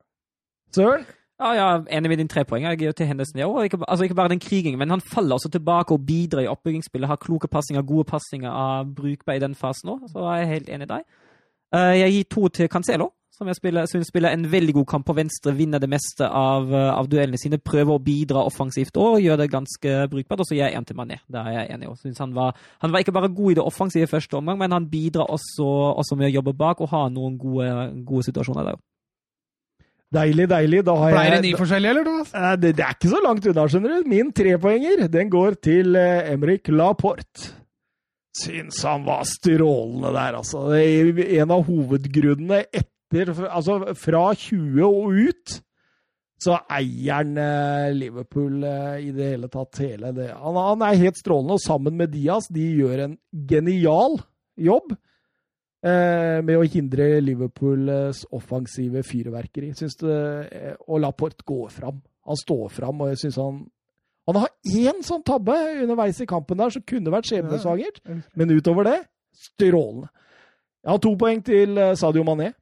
Jeg syns eh, den av de fremme i Liverpool, så var han desidert best. Jeg tror du kan trekke fram City-spillere òg, egentlig. ja, for så vidt. For så vidt. Ehm, jeg eh, tenker eh, Jeg tenker at Yota var ekstremt svak. Ja, Jeg tenker Firmino var ekstremt svak. Eh, Sala helt uh, medium. ja, men han hadde en periode, par perioder, men Mm. så ble han helt usynlig lengre tid. Ja. Så Mané får den. Og så har jeg ettpoengeren min. Der har jeg eh, skrevet Henderson, og det Da ble det bare fem forskjellige. Altså. Ja, det blei det. Ble det. Men jeg vurderte Cancelo til den også, det skal sies.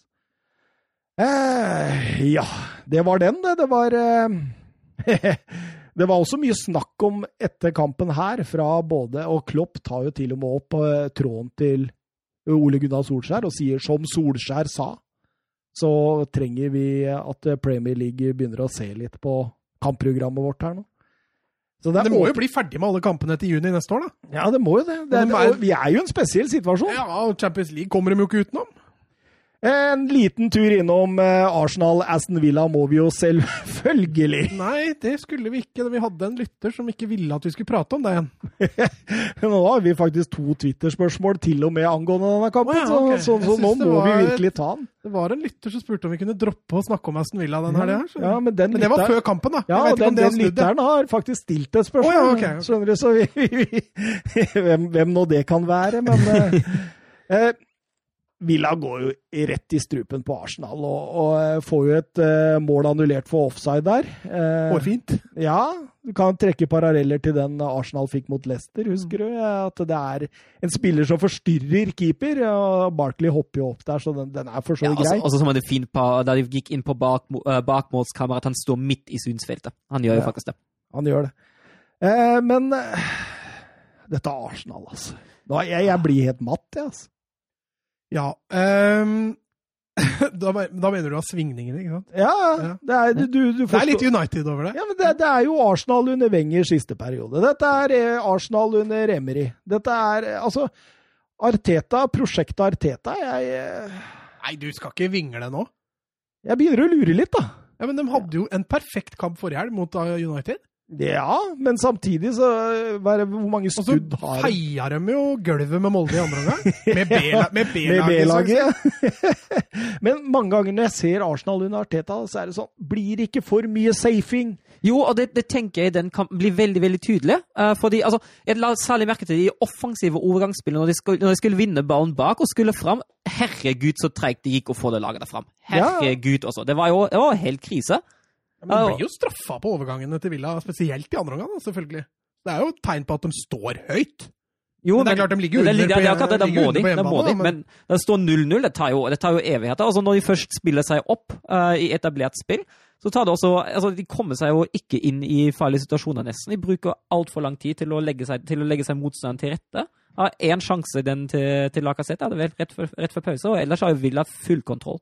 Og så har vi hylla Artetas defensive tilnærming til det. at Han Ja, starter det- bakfra er der. Men se på det 1-0-målet, Mm. hvor de står og glor. altså De har så stor respekt for Grealish og Barkley der at det, de står åtte spillere inne i 16-meteren! Og så er det ett løp du skal følge. Det er ingen beveger seg. Eneste mann som beveger seg, er ser han komme fra nesten fra midtbanen i boksen, og så står alle og ser på at han løper forbi dem.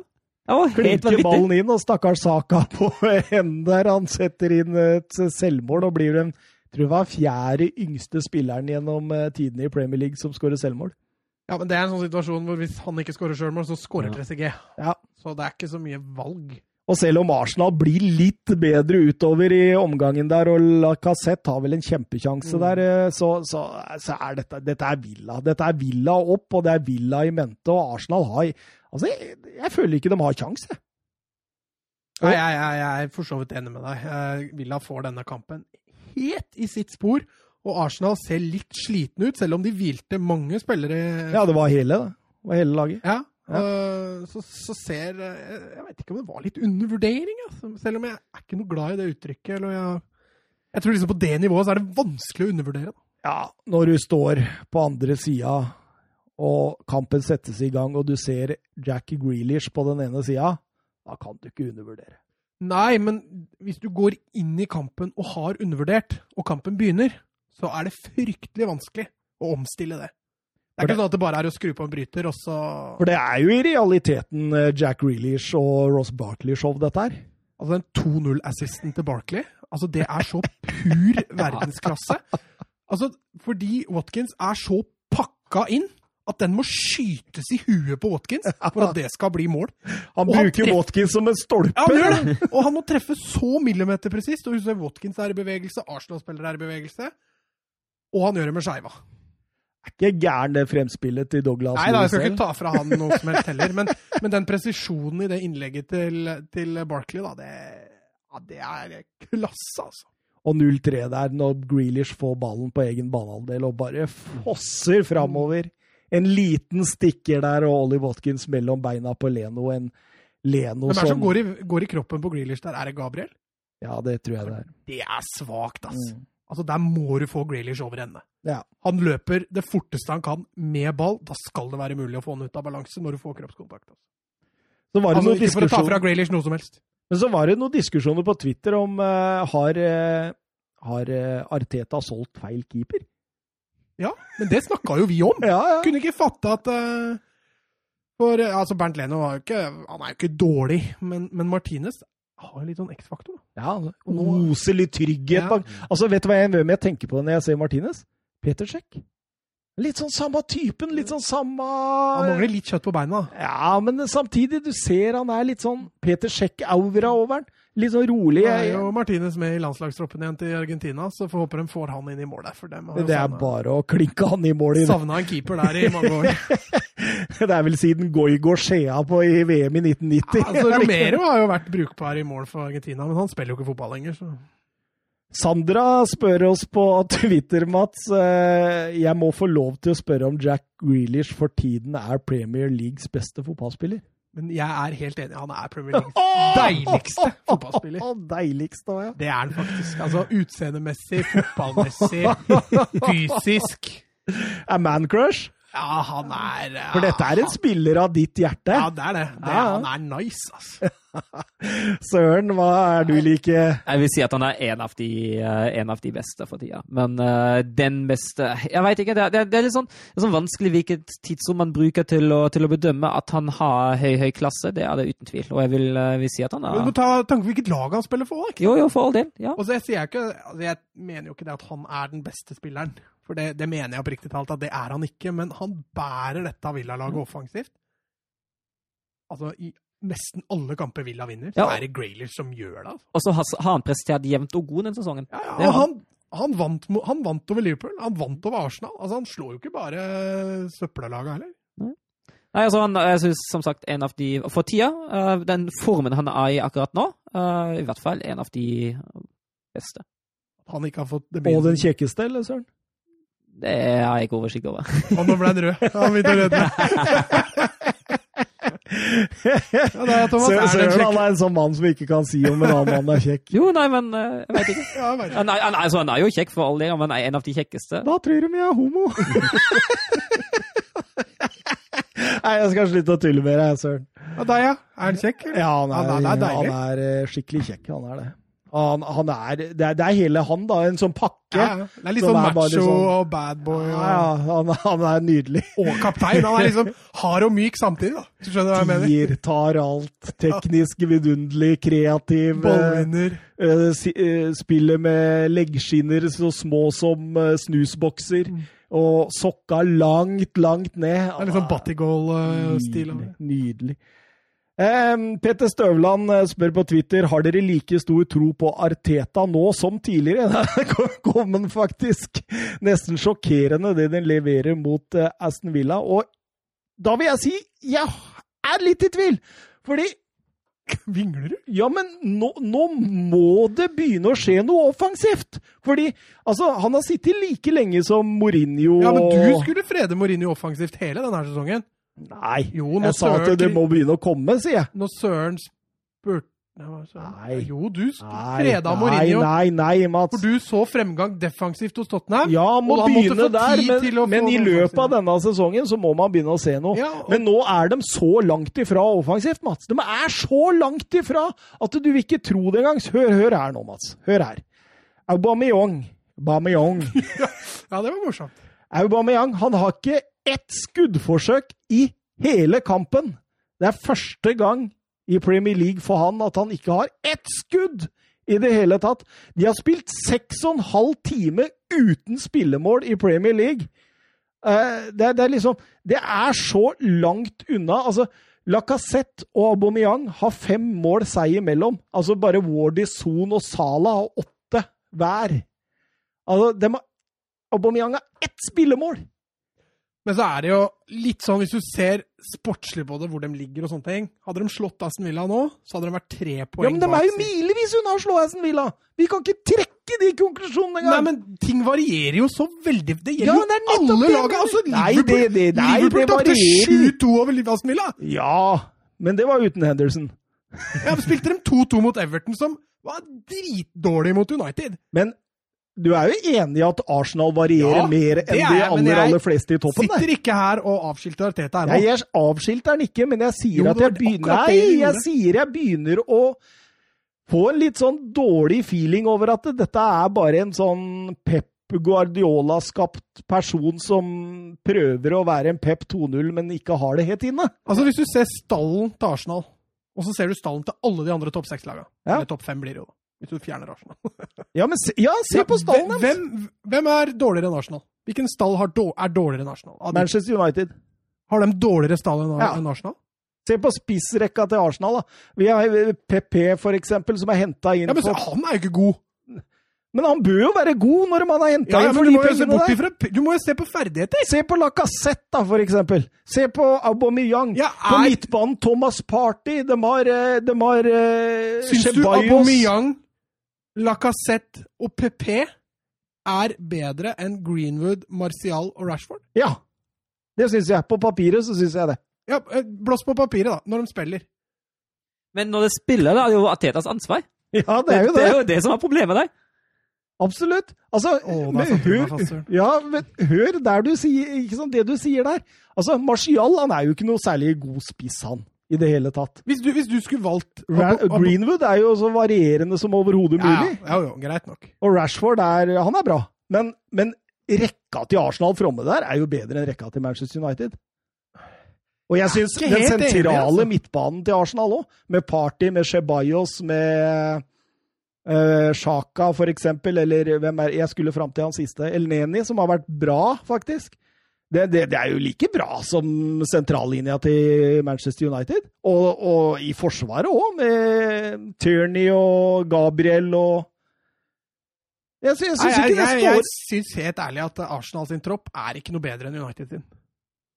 Jeg tror at Arsenal sin førsteelver i hvert fall er på høyde, og vel så det, Manchester United. Ja, men, men Nei, I beste fall på høyde. Men jeg, føl, jeg føler jo at det, ikke nødvendigvis har så mye å si hvem de er på høyde med. Man ser jo ikke noe utvikling offensivt. Det var kanskje det som var hovedpoenget. Nei, men han har jo stramma inn det defensive. Altså, ja, nå tapte de mot Arsenal, så det poenget her går litt igjennom. Men, men de kampene mot Aston Villa De tapte ikke mot Arsenal, tapte mot Aston de kampene mot Aston Villa, den har de tapt de siste ti åra. Under Wenger så har de ikke lenger tapt så ofte som det de gjorde da. Det syns jeg er framgang, og det har litt med at han har stramma inn det defensive. Ja, jeg er helt enig i at det må skjerpe seg offensivt, det må være fremgang over det. De kommer ikke til å vinne 1-0 over alle lagene de møter. Arteta-tabellen. 28 kamper, 45 poeng. Det holder til på målforskjellen bedre enn Wolverhampton på sjuendeplass. Det betyr at ifølge etter at Arteta tok over, så er det seks lag, og nesten sju, bare på målforskjellen, som er bedre enn dem. Ja, ja, men da må du også se forgjeng hva de gjorde før, da. Er det noen forbedring? Og vi snakker om et lag som kan cashe ut på PP, de kan cashe ut på Thomas Party, de kan hente spillere. Han har fått lov å hente spillere nå som skal passe inn i det systemet. Og vi, en William, for eksempel, som kommer inn Det, det, det er jo null offensivt, jo, Mats! De, de, de er pokka nødt til å møte lag som møter dem høyt for å få det bakrommet å spille i. Ja, det er jeg enig i. Hvis Men- ikke så har ja, det, men jeg og Det tyder jo på at de mangler et grunn... Altså et grunnspill. Nei, men Det er jo ikke lenge siden vi hyller dem for måla hvor de spiller seg ut bakfra. Hvor det er systematisk opp i midten, ned på keeper, ut på kant. Ja, men hvor ofte skjer det? Nei, at det skjer så Men altså, dette har jo noe med trening å gjøre også. Altså, Guardiola kom inn i Barcelona. Det tok jo tid før det virkelig blei tiki taka-fotball. Ja, ja, men nå, Og han hadde jo spillere som var langt bedre enn det Arteta drev med. Jo, men var det, det var framgang underveis, og det er liksom det jeg sliter litt med å se. Jeg, ja, jeg ser kjempeframgang defensivt. Ja, for, Ja, defensivt er det ikke noe tvil om. Men, men Ja, men er offensivt jo- har de jo blitt mye dårligere. Mye dårligere! Nei, jeg er ikke helt enig med deg. Altså, altså du, du kan godt legge elleve mann i forsvar, og så tett igjen, og så bare OK. Tape 3-0 mot Ja, Villa. og så bare Det har vært defensiv fremgang. Men, men det er jo null offensivt uh, på det, gi det tid, nå. Gå og bli bedre enn Tottenham. Vet du. Nei, jeg tar det tilbake. Det gjør det ikke. Men uh, det blir i hvert fall topp seks. Ja, det kan det være. Det kan det være. Eh, Barcelona, Real, Betis, Mats. Ah, Det er i hvert fall lag som er bedre offensivt enn defensivt. i hvert fall. Begge to? Begge to. det var ikke noe Arsenal-kamp, for å si det sånn. For det, det var to lag som virkelig ville angripe. og tenk hvis Griezmann faktisk hadde, hadde, hadde, hadde utnyttet de sjansene han fikk òg. Ja, hvis han hadde klart å score, så hadde Han blitt, skåret jo ett, men, uh... Jo, men det var jo ferdig. ja, det, det var jo det. Det første jeg tenker, da, det er jo det at eh, det må være deilig å se Ter Stegen tilbake i mål etter det Neto har drevet med de siste Neto har jo fått veldig mye skryt, da. Ja. Eh, Men han surra det til mot Alaves, og så hadde han jo en litt dårlig involvering mot Real Madrid. Men ellers så har han jo vært OK, men det, der er, det er milevis forskjell på han og Ter Stegen for det. altså. Messi på benken fra starta, fikk en liten hvil. Ja, han blei hvilt. Har jo starta samtlige kamper, eh, og så er han jo 33 år, da, så det er jo greit at han også får hvile litt. Vakkert mål fra Dembélé der, 1-0. Hæ? Ja, han har jo bestemt seg. Jeg syns jo Barca starter litt haltende i den kampen her, men eh, så får de en strålende periode, og Dembélé drar seg inn der og klinker den. Grismann der som finner den ut, ut høyre, og så Ja, det var det eneste grisen man fant i den første gangen. Ja, fordi Barcelona får jo et straffespark rett etterpå. Ja, og det er selvfølgelig Grismann som bommer på det òg, etter å ha blåst var det tre store sjanser forbi, til og med. Jeg har ikke klart ikke å treffe mål med de tre sjansene. Straffesparket går i det minste på mål, men eh, Claudio Bravo der, som har 80 kamper for Barcelona, han var nede i å hente han. Ja, det er jo ikke noe sånn superbra straffe, men så lenge Bravo gjetter riktig, så, så er det lett. Aisha Mandi der, som får et gult kort i den situasjonen, noe som skulle Noe som skulle få betydning utover i matchen, Søren. får ikke han direkte rett etterpå? Jo, jeg tror han får det det, er- det, er på linja, det, er er hens på linja. Hvis han først blåser straffe på den, jeg er helst trodde han på fikk linja. Nei, gult, jeg fikk, jeg fikk, ta snakk, dere, så skal jeg finne fikk ut av det. direkte rødt for Ja, hensing på linja. også, jeg, jeg er ikke helt sikker, men eh, jeg tror det. Eh, Men Betis de svarer jo rett på slutten der, drar seg nydelig rundt på kanten, spiller seg fint, og så går innlegget altså gjennom samtlige Barca-forsvarere der, og så er det Sanabria. Det var mye tidligere Barca-spillere på det Betis-laget. Ja, det var det. det, var det. Men eh, det, det er liksom det, altså, selv om Barcelona skapte mye sjanser, er fortsatt veldig shaky defensivt. Ja, jeg Veldig. Det er, eh, det er litt tynt. Eh, nå skal det sies at Betis ser mer solide ut enn det de har gjort på lenge. De slipper riktignok inn fem mål, men jo, jo, men det henger jo sammen med at de spiller med ti mann da, fra 2-1 Ja, ja. og utover. Fordi jeg syns jo Barcelona kommer veldig bra ut av startblokken i annen omgang. ja, men, ja, men den andre omgangen er generelt bra fra Barcelonas side. Men de spiller jo halve omgangen med med en mann mer, da. Ja, fordi etter Grismann satt 2-1 der, så får de jo et straffespark, og da er det Mandi. Jeg trekker fra Messi der, eller? Ja. Ja, Det kan er vi gjøre, det kan vi gjøre. øyre i nakken på den uh... Det kan vi gjøre. Det, det er nesten synd han ikke får en assist på den, liksom. Ja, jeg er helt enig. Altså, det er jo han som gjør målet, selv om han ikke er nær ballen. Absolutt. Messi, men jeg syns Messi, når han kommer inn her nå, da er nesten litt sånn gamle Messi. Ja, det var litt sånn, det var mye mer trøkk og bevegelse, og litt mer i form, virker det som, at han har noe å bevise for igjen, plutselig. Så får de jo dette straffesparket der eh, Mandi eh, redder på strek. Ja. Jeg hørte jo at kommentatorene klagde på at eh, det var, det var, det var tøft og hard avgjørelse å gi, eh, å gi direkte rødt men jeg tenker jo altså, det er jo hens på streken. Hvis en først blåser hens på det, er det hens på streken det hindrer mål, og da er det jo regelverket som er Ja, men det er regelverket sånn. Ja, hvis du, hvis For du, skal jo ikke få dobbelt straff, med mindre du gjør det med vilje.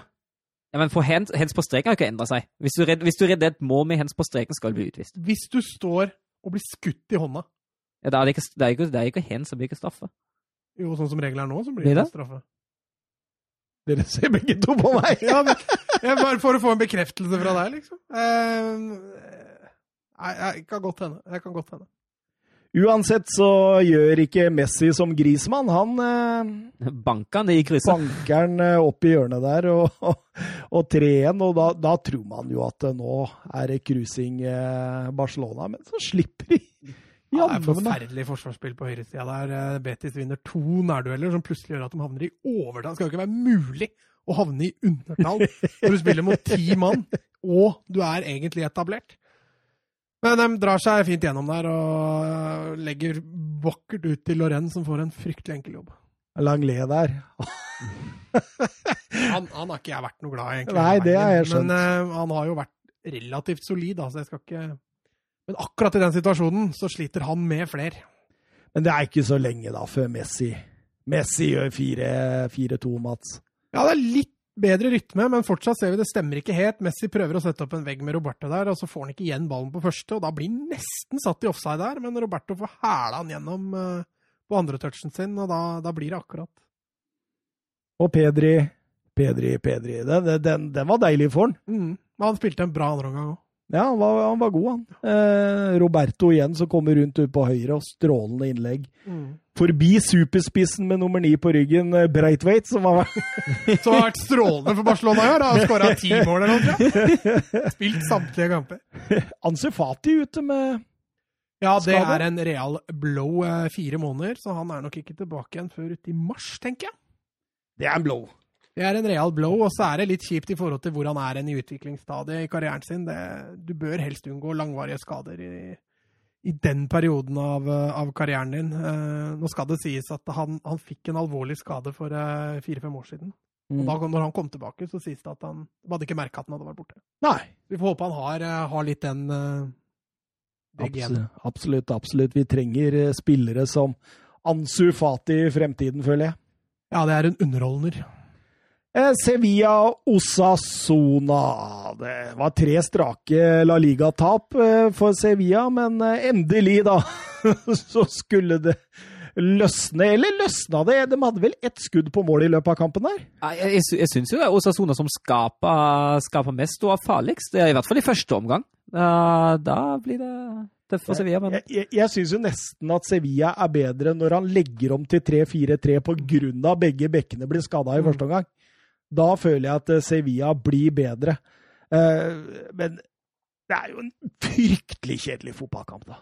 Ja, dette var La Ligas nedtur, eh, eller bidrag til nedtur denne uka her. Det er en, rett og slett en døll fotballkamp, men for Sevilla sin del så tror jeg den seieren her smakte like godt Som om de hadde slått et Real Madrid eller Barcelona-lag. For det nå eh, Det var mange kilo som forsvant, altså. Ja, jeg så, så det på kamp, og Spillere pleier ikke å feire så intenst når de skårer på, på straffe. Men Jeg er fryktelig forbanna når han feira der. ja. Pleier ikke han å bli det litt, da, eller? Eller er det jeg som husker feil? Nei, jeg veit ikke. Men Nei, jeg men jeg det- la merke til det nå, i hvert fall. Han var skikkelig ja, sint. nå ble han jo Ja, ja. Men han brant jo det første. Ja. Så det hadde vel kanskje litt med det òg, at følelsene fikk litt utløp der. Men var, var den litt billig, det straffesparket, Ja, eller? var litt billig. Men uh, nå har jo Sevilla også vært litt uheldige de siste kampene, så at det glir litt for dem nå, det Og etter 1-0 der, så syns jeg jo Sevilla gjør en helproff jobb, da. Men det er litt Lopetegi òg. Ja. Nå sliter de med formen. Og det var her de brant seg mot Bilbao, og nå lykkes de mot uh, Osasuna. Sevilla hadde kun ett skudd på mål, ifølge Oppda. Sist de vant en La Liga-kamp med kun ett skudd på mål, var i november 2016. Da vant de 2-1 over Valencia. Og grunnen til de vant 2-1, var et selvmål av Garay. Så det stemmer. Eh, Vi går videre til eh, ja, et lag som underholder, Atletico Madrid. Tror at vi skulle bruke blir- underholde og Atletico i samme setning også. ja, men det er fryktelig Ja, underholdende. det er skikkelig morsomt for de, ja. Altså, ja. Og så matcha det bra med Cádiz, da, for dem også overraska meg i år. Eh, Forventa litt mer kynisk fotball fra de, men de eh, Men tror du ikke de prøvde det, og så får de en imot i løpet av fem minutter? For jeg, Det var det jeg tenkte når jeg skulle satt meg ned for å se på denne kampen, at det her møter jo egentlig Atletico Madrid seg sjøl i døra. Jo, men altså, altså Cádiz har jo vært eh, forbilledlig på bortebane så langt i år. Jeg tror hvis ikke jeg husker feil, jeg tror ikke de har sluppet inn et eneste mål jeg, på bortebane i år. Eh, og har vel tre seire òg. Så Cádiz var ikke noe enkel match for, eh, for Atletico sånn på forhånd, men eh, det skulle det vise seg at det blei det. Ja, og det, det skyldes jo både Atleticos gode spill. De, er jo, de, er jo, de går jo ut, eh, ut i 100 fra start og begynner å skape sjanser og være offensiv, men det skyldes jo også Cádiz-keeperen Lidesma. Ja, han har to. Men, men Han som har vært så strålende. Ja. Er, er han argentiner? Ja. Så han kjemper med Martinez om plassen på landslaget, altså. Ja, Nå husker jeg ikke om han ble tatt ut nå, men jeg beit meg merke til at Martinez ble tatt ut.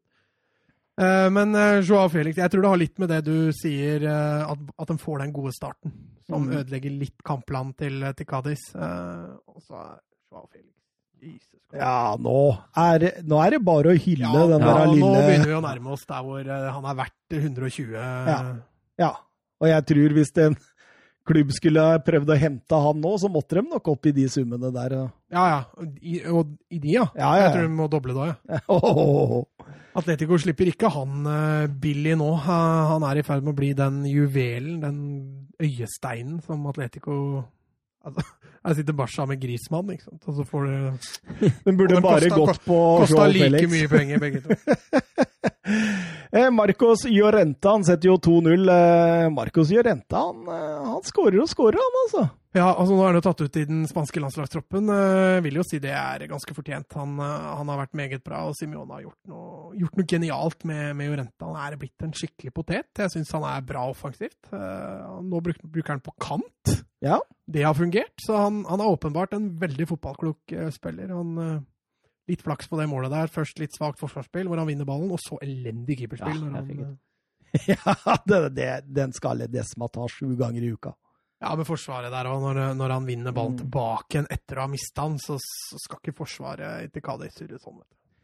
Cádiz er veldig tynne, eller? Jeg syns ikke de Ja, hadde det- Dette kjangs her. var eh, litt nedrykk. Ja. Eh, når de får den tidlige goalen imot, som vi har vært inne på, så, så tror jeg det rakner litt for Cádiz. Alvaro Cervera, treneren der, var, jeg satt og tenkte på, er ikke, er ikke øl cerveza på spansk? Jo. Så Cervera serverte cerveza? Oh, ja, såpass. Jeg- så- Såpass ille syns jeg det var. Okay.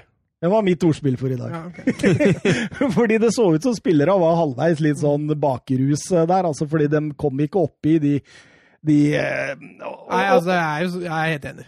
Ja, det er helt håpløst. Eh, Det var en lett dag for Atletico å være veldig god på. Det var det. det var det. Luis Suárez der eh, Det blir jo for enkelt når han bare legger den i lengste Ja, der. Og, men igjen, da, Felix. mm. Altså, det, er, fantastisk. Han er liksom god både til å møte, han er god i bakrom, han er både en playmaker og en målskårer. Han, Ja, Nå skårer han på huet òg. ja, ja, ja. Han skårte jo på huet i Champions League for et par uker siden. Og måten og det også, hvordan han finner rom, og utnytter de romma sånn. Ja, det er så perfekt. Mm. Nei, det en stor, stor stjerne meant to be der. altså. Ja. Det kommer til å bli eh, Ballon d'Or og gull og grønne skoger. Det første du har annonsert Ballon d'Or, kommer til å vinne. Ja, Det jeg blir tror, spennende. tror, tror, ja. vi sitter her og prater eh, 90 minutter om fem-seks år, skal det bli spennende å se. Hvordan- da, har jeg, da har jeg rett. Det er jeg åpen, oven, Åpen for? Er du åpen for å ha rett?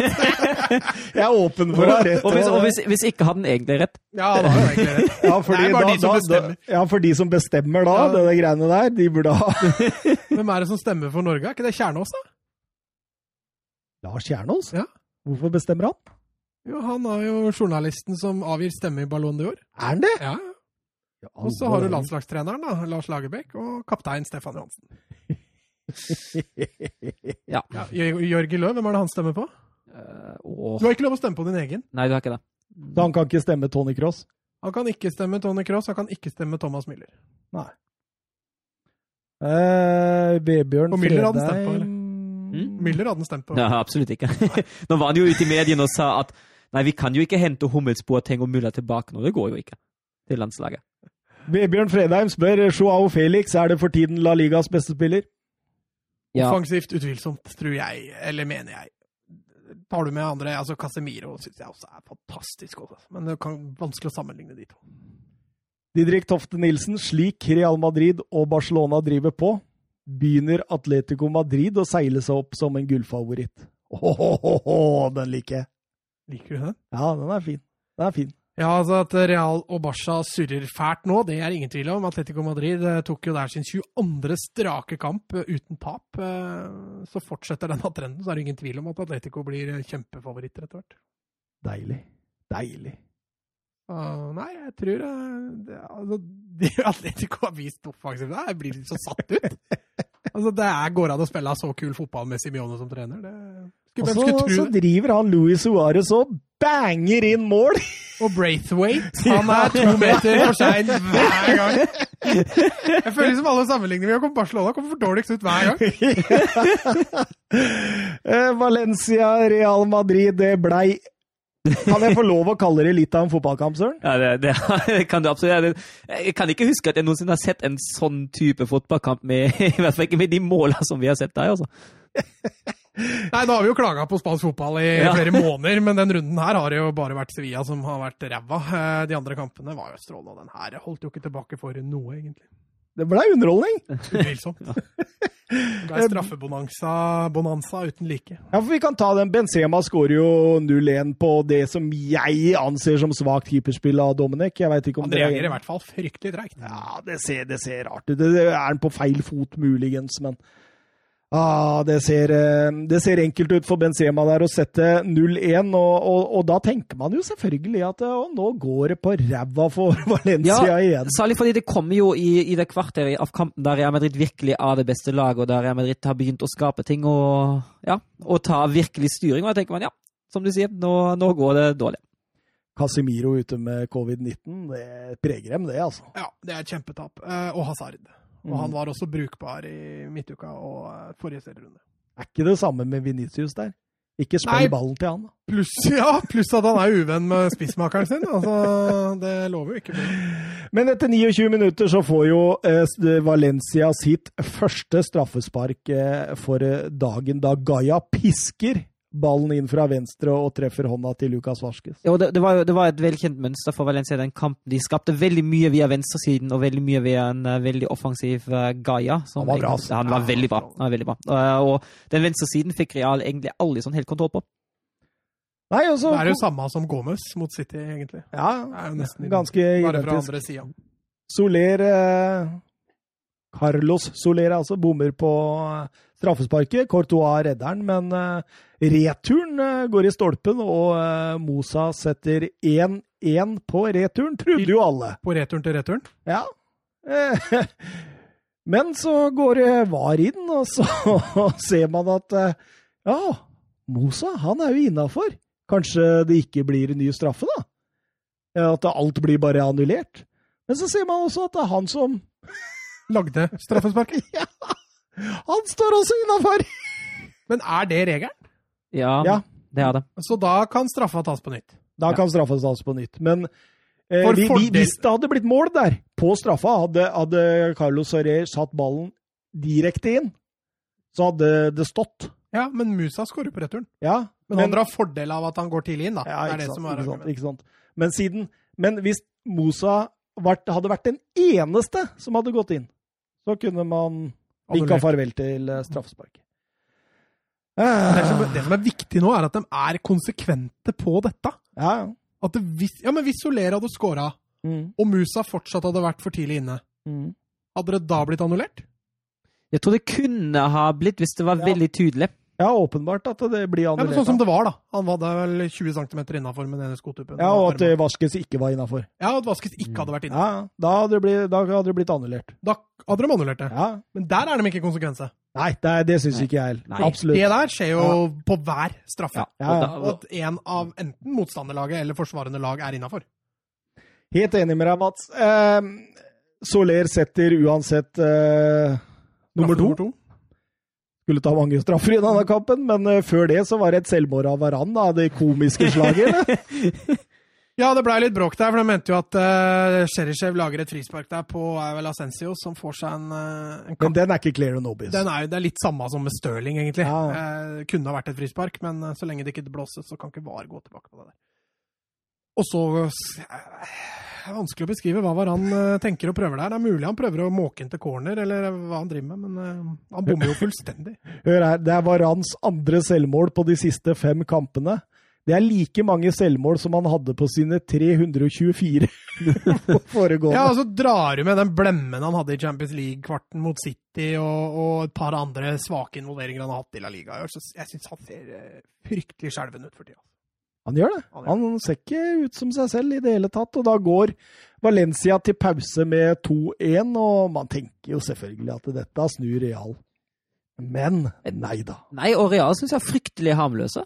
Det, det er svakt offensivt, Ja. altså. Den, eh, at man ikke ser et Real Madrid-lag der som bare stuper inn i andre omgang. Det er mulig de også kjenner litt på, på det harde kampprogrammet, men eh, du ligger under 2-1 mot det som er klovnelag nummer én i La Liga, og så Ja, for det er jo Valencia som stuper inn i Ja, ja. Kagin Lie der, som bruker Ramos som vendingsbøy. Kul og spiller, altså. Ja, det er jaggu kul.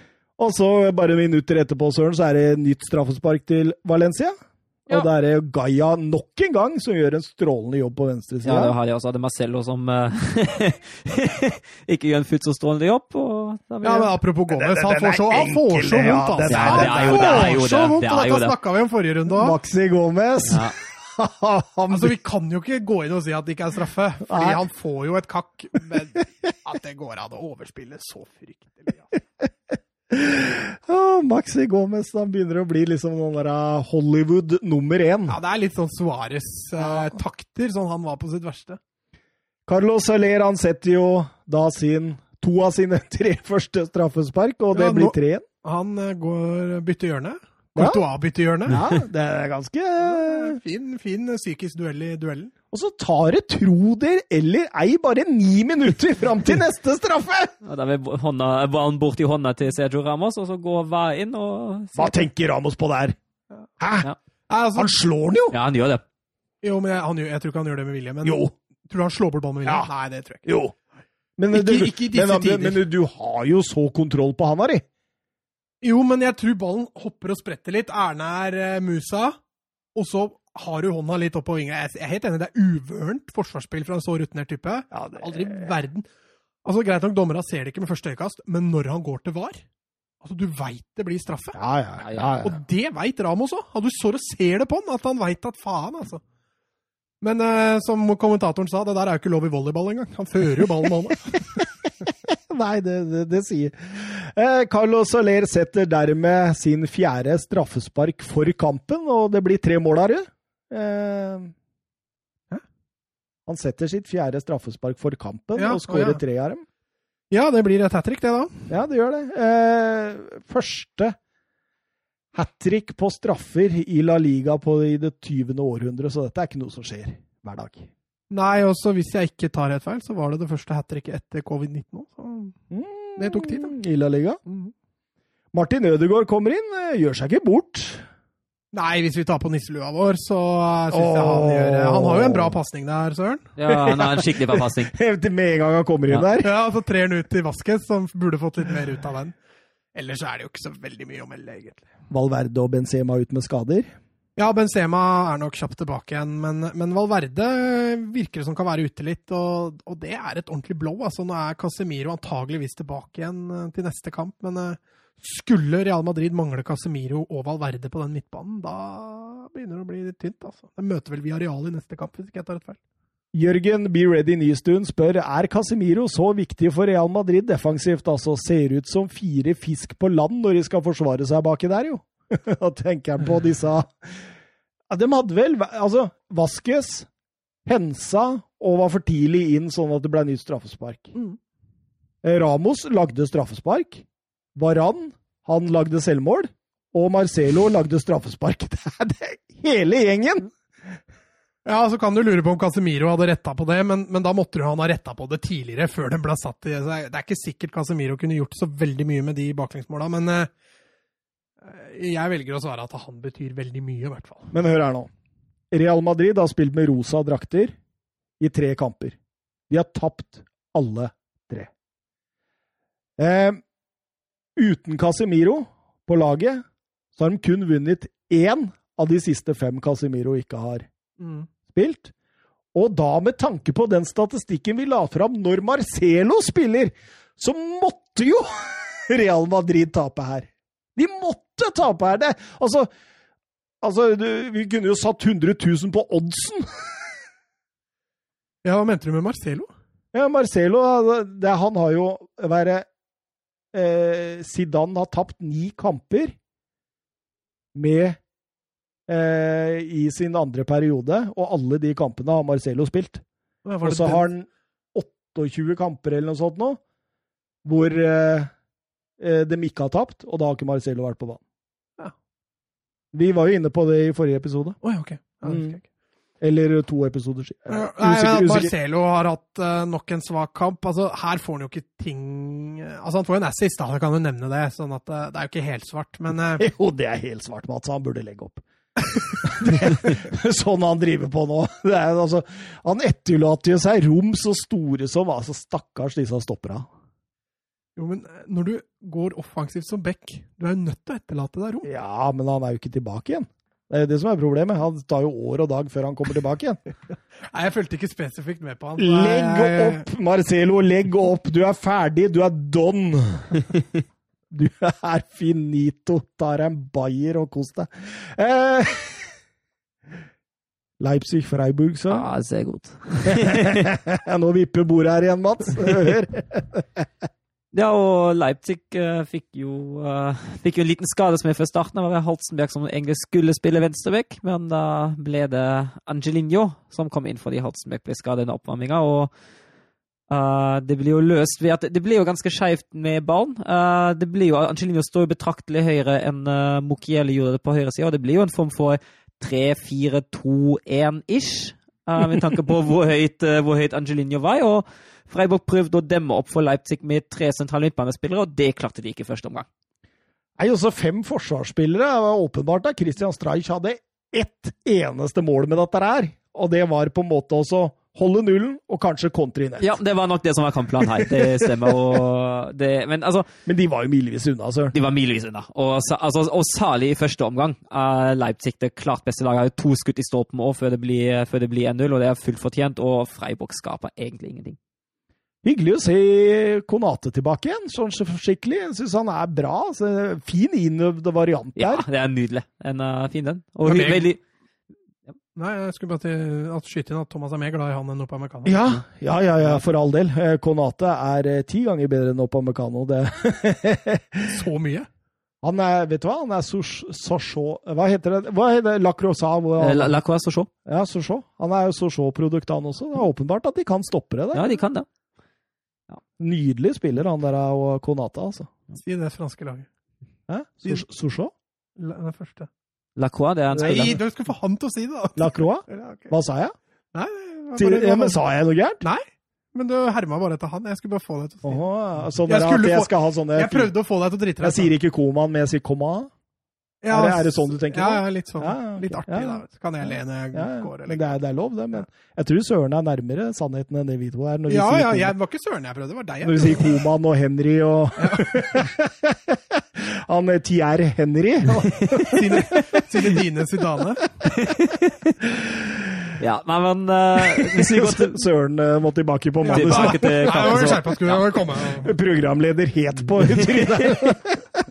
Nei, jeg- jeg- eh, RB løser jo bra med, med gegenpressing. Altså, det fungerer jo, fungerer fint å demme opp for eventuelle overganger for Freiburg. Freiburg kommer seg litt i andre omgang før Nagelsmann eh, tar bytta og tar, får, inn, eh, får inn Olmo og Sørloth der. Og da, særlig etter den 2-0-straffen, har Leipzig full kontroll kampen ut. Den straffesparket der. Ja, altså, det, det er av det veldig billige slaget. Jeg, jeg tenker jo at det, det er synd at han får det, for da Ja. vil han gjøre det igjen, han Nkoko. Ja. For det, det, det er, han, han, han ser jo Han ser jo at eh, denne Høfler, er det det, som kommer i Ja. baken? Og han- han bare setter ut beinet sånn at Høfler kan løpe på den. Mm. Er, Konstruere det. ja, det det er, det er jo det. Ja. Eh, men Sabitzer ordner fint eh, 2-0, og du kan jo si det at eh, Angelino ordna fint 3-0. eh, den var nydelig. Det var langt hold. Ja, skikkelig. Altså, altså banken den i krysset er helt fantastisk. Tror, så du Christian Streich etter kampen? Han var borte og holdt et foredrag for dommere. Jeg tror det handla om Ja. det straffesparket. Altså. Det gjorde nok det, og det, det er jo forståelig. Jeg syns det er lov å være forbanna på det der. Det var ett av eh, ti straffespark eh, denne runden i Bundesliga, Det var ny rekord det, på lang, lang tid, så jeg. ja, siden 1971-72. Oi, oi, oi. oi. Det var noen ord om Sørloth, eller? Ja, Ja, altså Jeg syns jo, Nisselue på, si. Ja, vi tar på oss nisselua, så Ja, okay, sier vi noen ord okay. om Sørloth. Syns jo han, eh, han, gjør, han gjør et greit innhopp for Aldin. fantastisk innhopp. Vi har på nisselua nå. Eh, men han bør nok gå av banen med en scoring der. Han var god til å juble, da. Ja, ja, veldig god. veldig Aha, førstemann bort. Ja, var første Ja, ja, det var helt nydelig. Ja, det var fantastisk å se på. Da fikk han satt sitt preg på kampen, liksom, når han var så tidlig med å juble der. Ja. Ja. Veldig viktig for lagmoralen og alt det der. Vi kan Og så er- du den avslutninga han hadde, hvor hardt det var? eller? Ja, jeg så det! Han traff jo banen perfekt! Ja, det var jo, perfekt det var jo bare at han treffer han perfekt, at det ikke blir Tror ikke Kane og Lewandowski er i nærheten Nei, av det. nei, det er? Det er Haaland-nivå, det er jo langt, langt over. Ja, ja, ja, ja. Det der hadde, hadde det vært Lewandowski. De hadde ikke truffet så perfekt, og så hadde det blitt mål. Ja, og det er jo skikkelig teit at, at dårlige spisser blir belønnet for det der. Når de ikke treffer perfekt. Det blir jo for dumt. Jeg har hørt at Sørloth er god til å lage mat òg, jeg. Oi, men det har jeg ikke sett noe om i VG. Nei, det kommer. Det Kommer. Ja, de sparer det. Over til hovedkampen. Dortmund mot eh, Bayern München. Der klassiker, heter det så. så Det er helt riktig, det. Erling Braut Haaland mot Lewandowski. Eh, Det var kult når de gikk bort til Haaland gikk bort til Ja, det var kult, det var kult. kult. eh, sin, Lewandowski hadde sin 300. match for Bayern München. Har på sine foregående 299 258 mål! Det er helt sykt, altså. Det er gale Mathias satt i mente. Um, Det er for Bayern. Uh, ja, Det er for ikke Lewandowski. Nei, Ja, det er ikke det, er, det er i Bayern, ja. Ja. Uh, møttes uh, så sent som tilbake i 30. september i Supercupen. Da vant Bayern München 3-2, etter at Kimmich avgjorde sent. Eh, siste 35 kampene har endt eh, 12 eh, Dortmunds-seire, 17 eh, Bayern München-seiere og 6 uavgjort, så ganske jevnt der. Eh, tilsvarende oppgjør sist sesong, 0-1. Kimmich da også, så eh, et lite Kimmich eh, Hva heter det? Sånn Kimmich, Kimmich eh, Kimmich kamp. eh, Nei Kimmich at- motstander? Altså, Drømmemotstander? Nei, nei, men at du, når du har en liten sånn Hva heter det? da? Kimmich fordel. Preg. Vi går videre. Eh, Begge lag en enkel reise i CL i midtuka, og eh, ja Laga var vel ganske som forventet, eller søren? Ja, det vil jeg da si. Nå, eh, I hvert fall hos Bayern nå Davies Sule og Pavard er ute. Da blir det Hernandez, Alaba, Boateng og Sarr. Eh, Dortmund ikke noen større overraskelse heller. De har spilt med firebeckslinje sist, og da gjorde de det igjen. Men eh, si litt om Hans Sarr, for han hadde ikke jeg vært borti engang.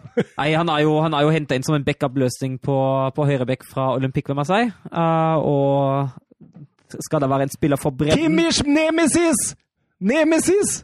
Det var ordet jeg skulle fram til. Ja. At Dortmund har en Kimmich nemesis. da, da, da trodde jeg at Sa var Kimmich Nemesis, ja. Ja, jeg også bare Jeg også tenkte jo at Bayern- Bayern-laget totalt må vel ha blitt bedre av å skyve Kimmich ned på bekken. De burde ha gjort det. Ja, gjort. Og så hadde de jo ja, de hadde jo i hvert fall Tolisso, da, for han kom jo inn, men de hadde vel også Mark Rocca og Havi Martinez på benken. Og, Ja, men uh, og han altså, Du skal ikke ta for gripe noen begivenheter her, men fytti rakkeren for kamp. ja. Vi, vi må sette i gang med kampen, i hvert fall. ja. Eh, Og inngangen blir jo akkurat som forventa.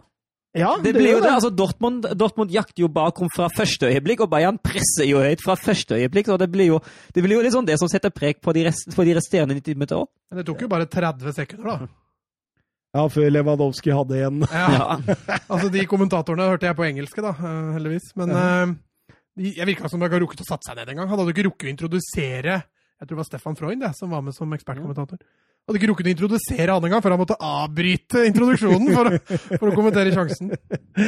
Ja, det var jo Haaland er jo også i, nesten igjennom der på skrått eh, rett etterpå, så det, det var jo Altså, Du så Dortmund hadde, var sånn ekstremt uh, direkte, hadde plukka seg ut rommet bak Sarr, det så du veldig Ja. tydelig. Mens uh, Bayern München var mer sånn pressorientert. De ønska å brette ut spillet og komme rundt på kantene, og, og kjørte Koman ut høyre og Gnabry ut venstre. Det var litt overraskende. ja, i hvert fall i starten, men så de varierte jo litt, uh, litt igjen etter hvert i kampen. Uh, så også at Mulla og Gnabry rokerte litt på plass. Så det var, det var mye bevegelse blant de, blant de offensive der. Stor Goretzka-sjanse etter 13 minutter der, på bakerste.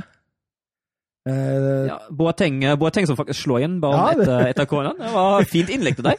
Ja, at Boateng hadde det i verktøyskassa si, det Så kommer jo en eh, stor Dortmund-kontring der med Reina og Erling Braut Haaland. Eh, Hadde kanskje blitt offside, Eller? Ja, jeg tror det. Jeg tror han står litt offside. Mm, det Men han burde- skyter uansett utafor. Ja, men, men der Altså, Han har jo en mulighet før den der som jeg beit merke til, hvor han prøver å sentre. Mm, Men så er det jo ingen Dortmund-spiller i boksen. mm. Og nå når han er enda spissere i vinkel, nå har han kanskje på riktig bein, altså har sikkert litt å si, men da velger han å skyte. Og så tror jo alle at Bayern München har tatt ledelsen med Lewandowski. Mm. Og så er VAR inne også. Det er så små marginer. Ja, den, Ja, det. Det er ikke mange millimeter eller centimeter det er snakk om. altså.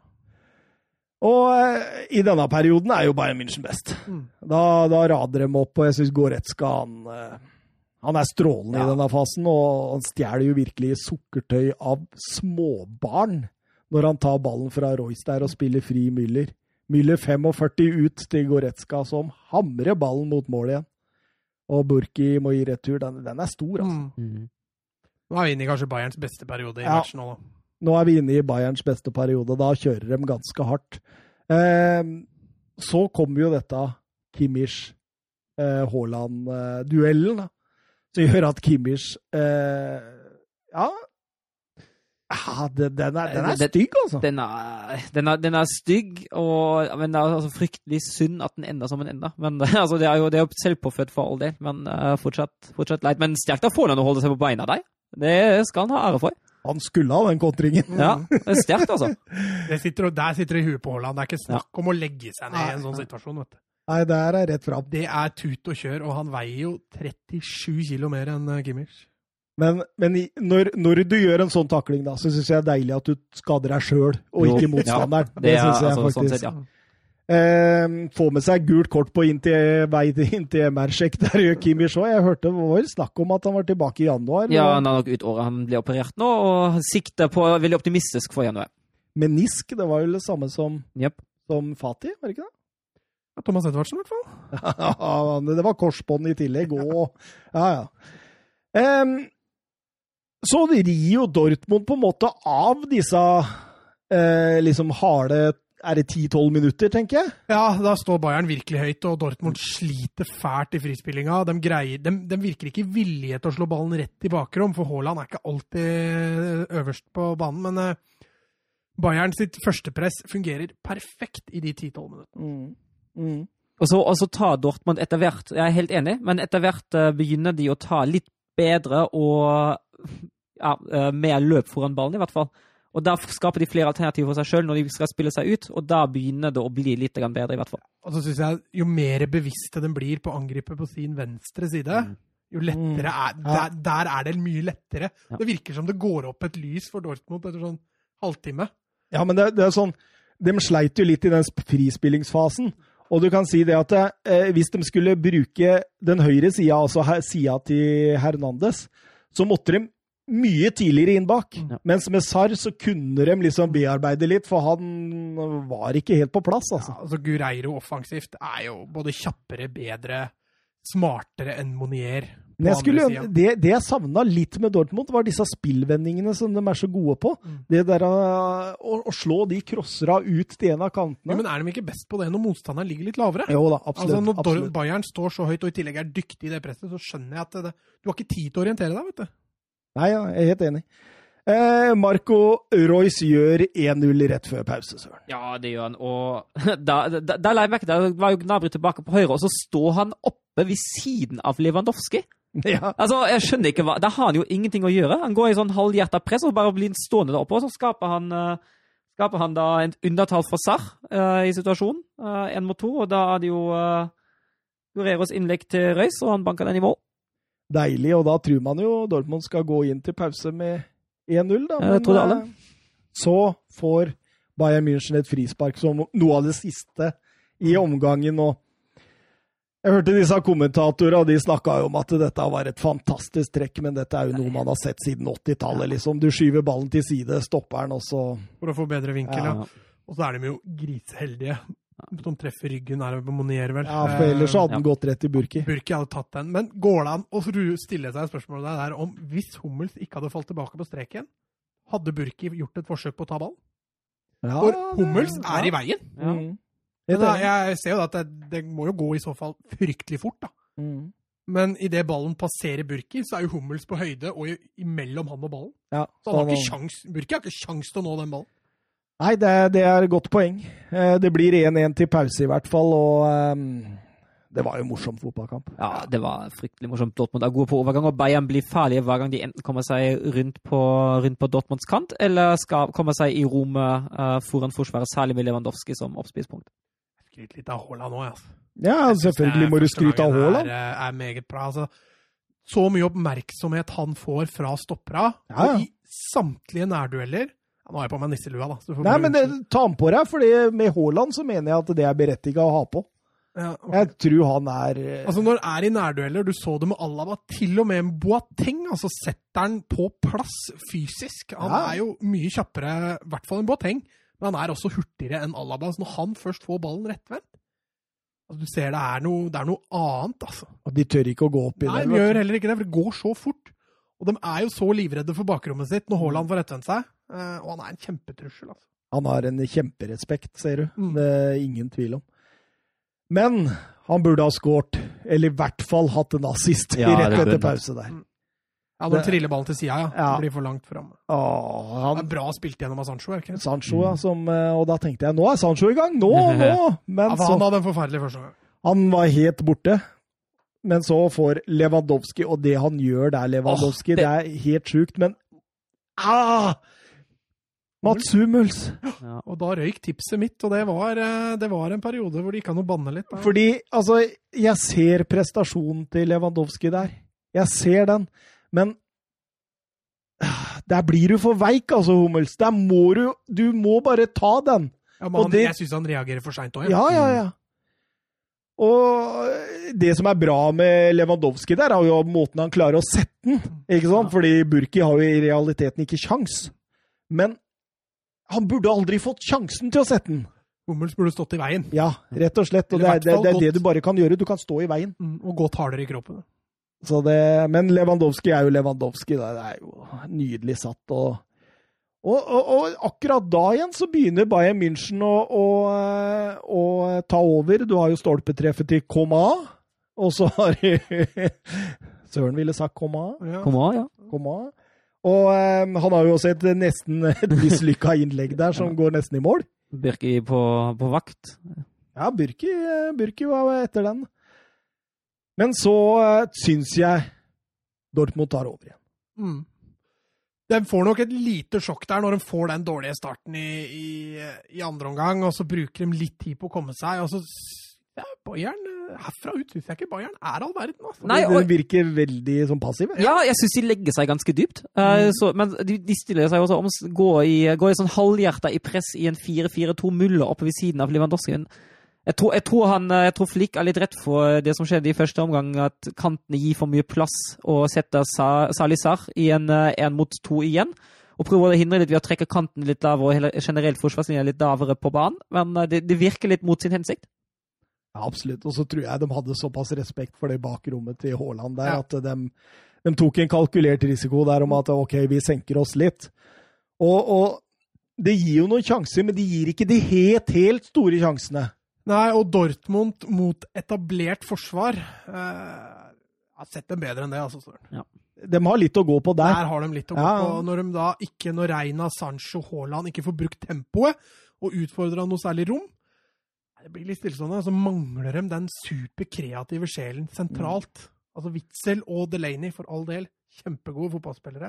Jeg elsker jo Witzel, men uh, den kreative opplegget, det, er- det mangler dem. Altså. Og når de kommer til sjanser, så går det som regel rett på Noyer. Ja, det er jo gjerne Reus som gjør. Og eller utafor. Ja. Ja, men Du ser jo både Reina der og Ja. Royce, som du sier, og, og ikke, ikke minst Hazard òg, når han kommer inn der. Så jeg har jo en stor sjanse hvor han setter den rett på Noyer. Eh, kan være kudos til Noyer det for å stå der han står, og, men eh, likevel. Men jeg syns jo at Borussia Dortmund hadde fortjent en utligning her, da. ja, det er jeg enig i. Og isteden så, Mm. så er det Leroy Sané, søren. Ja, og få, få en kontring. Ja, Å, det, er jo, det er jo helt strålende. men nok en gang, da. Hummel som selger seg. Ja, det er Haaland som mister ballen, da. Mm, Ja, for, på egen sei- nei, på Ja, ja, men da er jo Dortmund på vei framover. Han tar jammen eh, løpet der Han òg. prøver så godt han kan, ja. Og så var hvem var som prøvde å holde den igjen? Som han bare reiv bort Ja, ja, ja, ja, løpet. Goretzka, var det Bare ikke det? Goretzka. Prøvde å gå i veien for Haaland. Det var bare rett i bakken. Ikke F om du får stå i veien for meg. Men, eh, men fint, Søren. Ja, veldig fint. Altså, Sané ender jo opp med å runde Akanji og plassere lengst etter pasning av Lewandowski, og Den avslutninga til Sané den er der, den Ja. kommer så fort. Mm. For der, når du ser prisen på det målet, så tenker man jo med en gang Blir dette mål? Mm. Fordi han er så nære å blokkere der, da. Men det skuddet kommer så rapt fra Sané at eh, Nei, det går fort, altså. Og da tror man jo at dette skal ros greit i land, men så får Ja. plutselig Erling Braut Haaland den sjansen han virkelig trengte. Ja, da, Bayern har jo flytta seg litt opp igjen i, i, eh, i presshøyden. Og da blir det bakrom igjen, og da er det en nydelig bakromslopp. Det er, det er jo ikke mye bakrom. Nei, Nei, er men det. er litt. Men, Men det det er jo pasningen til Gureiro ja, den, den passingen der. og avstandene mellom stoppera som er problemet til Bayern der. Fordi Haaland finner jo faktisk Han får jo, får jo 7-8 meter han, til Ja. begge stoppera. Og når pasningen til Gureiro bruker så lang tid, som gjør at Neuer ikke kan komme ut Og det nedtaket til Haaland.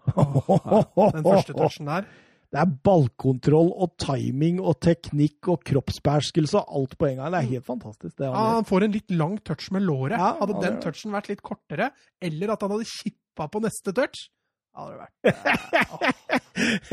det, det er Manuel Neuer han møter, liksom. Jo, men Neuer sto jo utafor femmeteren, Ja. så det hadde gått an. Ja. Jeg hadde klart det, jeg. Ja, da røyk resultattipset ditt, så. Ja, det var litt bittert. Men eh, det er jo samtidig fortjent at Dortmund skåra. Men nå hater du Haaland enda mer. Nei, jeg gjør ikke det. God prestasjon. Og det kunne blitt 3-3.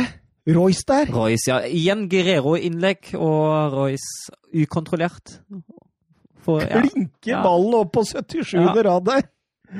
Og eh, da kommer de ikke nærmere. Lewandowski har vel en i nettet til som blir Annullert, ja. annullert, ja. Men eh, 3-2-seier til eh, Bayern München. Og det betyr at eh, Søren er den eneste som fikk eh, poeng i resultattipset her. Ett poeng. Jeg og Mats, eh, Mats tippa uavgjort, og jeg eh, tippa Dortmund-seier. Liten trøst at jeg faktisk klarer å tippe den ligaen jeg bør kunne best. Jeg har jo ah, ja. Banens beste. Søren kan begynne. Ja, jeg kan begynne. Uh, min, uh, din tre, jeg syns det var litt lettere enn det forrige. Den treeren sto egentlig mellom uh, to spillere her.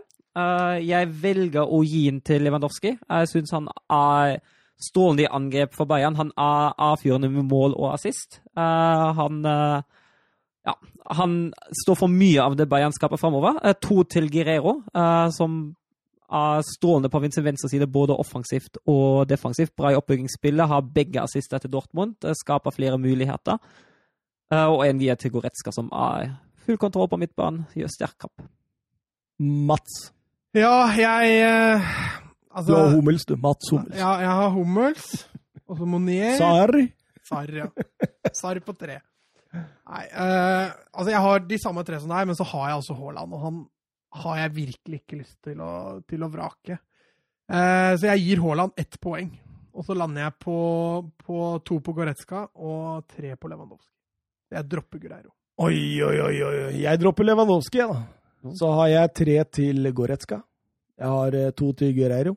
Og ett til Erling Braut Haaland. Du syns Haaland var bedre enn Lewandowski? Ja, absolutt. Absolutt. Altså, når du ser hvor viktig han er for det offensive til Dortmund, da, spesielt i kontringsfasen, og hvor mye respekt han faktisk har ja. fra Bayern, så er det klart at han allerede har kommet fryktelig langt. Altså. Han har litt andre arbeidsbetingelser enn det Lewandowski har også, tross alt. Mm. Lewandowski er en litt mer sånn flytende spiller som, eh, som kan bli servert og, og ligger og lurer inn i boks der, mens Haaland han har arbeidsoppgaver omtrent fra egen eh, 40 meter. Altså. Mm. Og han uh, syns han er Jeg, jeg syns han gjør en mye bedre kamp. Men stiller du høyere krav til Lewandowski enn Haaland? Nei, ikke nødvendigvis, men jeg, jeg, jeg syns jo Altså, den Lewandowski scorer på, den bør han ikke få lov å score på. Men det er jo hans prestasjon. Det er jo sterkt å på. ja, Men det skulle skal ikke ta fra Lewandowski noe som helst, da. Altså, bare fordi Hummels er dårlig forsvarsspiller, altså at han får den på mål på den måten da, i det hele tatt, det er jo kjempesterkt. Ja ja, for all del, men uh, du skal ikke få lov. Det er det som er greia. da. Ja, men du kan kan ikke bruke det mot ham, da. Du, nå har du Du lot Pickford uh, utafor pga. at han skulle kanskje hatt rødt kort. Han burde ha rødt, rødt nå, må kort. du, nå må du roe deg ned med den der. Nei, altså, jeg også sleit litt med det der, og satt faktisk og tenkte litt på det. At Forventer jeg mer av Lewandowski for at han skal få mer poeng? Eller, for, eller, eller prøver jeg å sammenligne dem likt, da? Ja. Uh, og jeg tror det at jeg sitter egentlig og forventer litt ekstra fra Lewandowski. Det er mulig min uh... Ja, men jeg, jeg syns ikke han var sånn voldsomt deltakende i spillet, eller?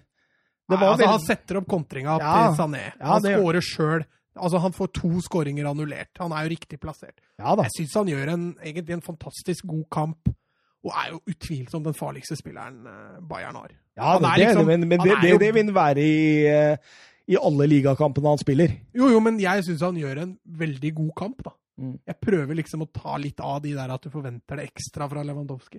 Jeg synes, Han er jo egentlig ikke en sånn Goretzka syns jeg var mer altså, jeg- jeg- grunnlag til seieren deres enn det Lewandowski var. Men han forventer jeg ikke like mye av, hvis du skjønner. Ja, For han er ikke ja, sånn spektakulær. Så han er litt sånn Henderson, da, hvis jeg kan dra den sammenligninga.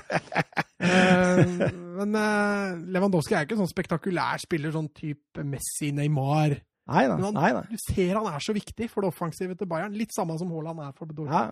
Han, er- han, Tar du Lewandowski ut av den kampen der, han er strålende. Han er det. ja, da mister Bayern to mål. Altså. Det er jeg ganske sikker på. Bare, bare målstatistikken hans eh, sier jo det aller, aller meste. Tenk deg Choupo-Motingen der, istedenfor eh, Da vinner ikke Bayern, altså. Ja, nei. Eh, oi, oi, oi.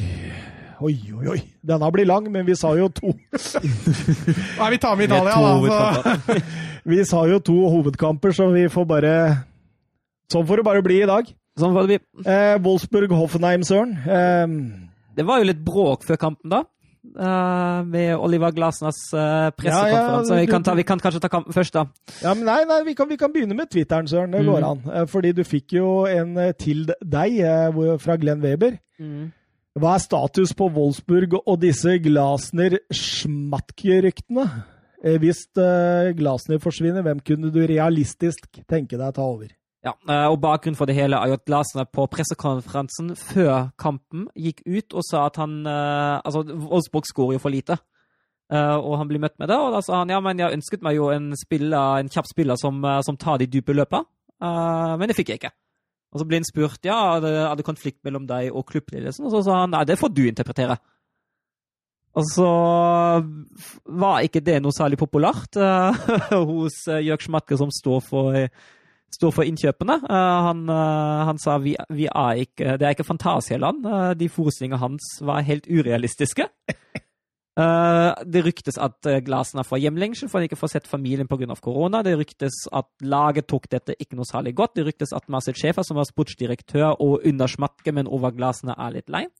Uh, og det kom uh, sterke rykter fra uh, Thomas Hite i Kikka, som er godt informert når det gjelder Wolfsburg, om at dette kan bety slutten for Glasner. nå har de satt seg sammen, og i dag kom meldinga at han får fortsette, men at det på en måte er siste sjanse. Hvis han nå kommer med et eller annet igjen mot klubbens linje, med et eller annet utbrudd off offentlig, da er det over og ut. Hvis det er over og ut, da, hva, hvem vil du Akkurat nå mm. hadde jeg veldig gjerne tatt Ralf Ragnhild. Hvis han, hvis han ja, Men er det realistisk? Jeg veit ikke. Uh, han, vi, vi, vi, Wolfsburg ville ha han før, uh, og da valgte man å gå for Armin Fe, som uh, det var, det var det nesten utilgivelig. Det der. ja, men Var det da realistisk at han kunne Ja, det var, det var klubben som bestemte seg mot Ragnhild. Og det var Felix Magata? Oh, er du gæren? Magata har jo sparka nå. Han sitter jo som sportssjef i, i Würzburg. På fredag sa han at nei, treneren vår får jobbe i ro og fred, og så sparka han treneren på mandag og sa ja, da får han jobbe i ro og fred et annet sted. Porcettino eller Allegri? Nei, de er ikke realistiske. Nei, okay. Nei, nei, men hvis du hadde fått dem? Hver dag. definitivt. Eh, men eh, ja eh, det, det åpna veldig bra, Søren. Ja, det var Apropos dype løp fra midtbanen. Ja, ja, ja, men det var jo, det var, det var jo Renato Steffen som sto, sto for de. Det var jo uh, nydelig, det der, altså. Det er god, godt overgangsspill. Faktisk høyt i presset. Uh, Gegenpressing fungerer, fungerer brukbart og blir belønna med to mål.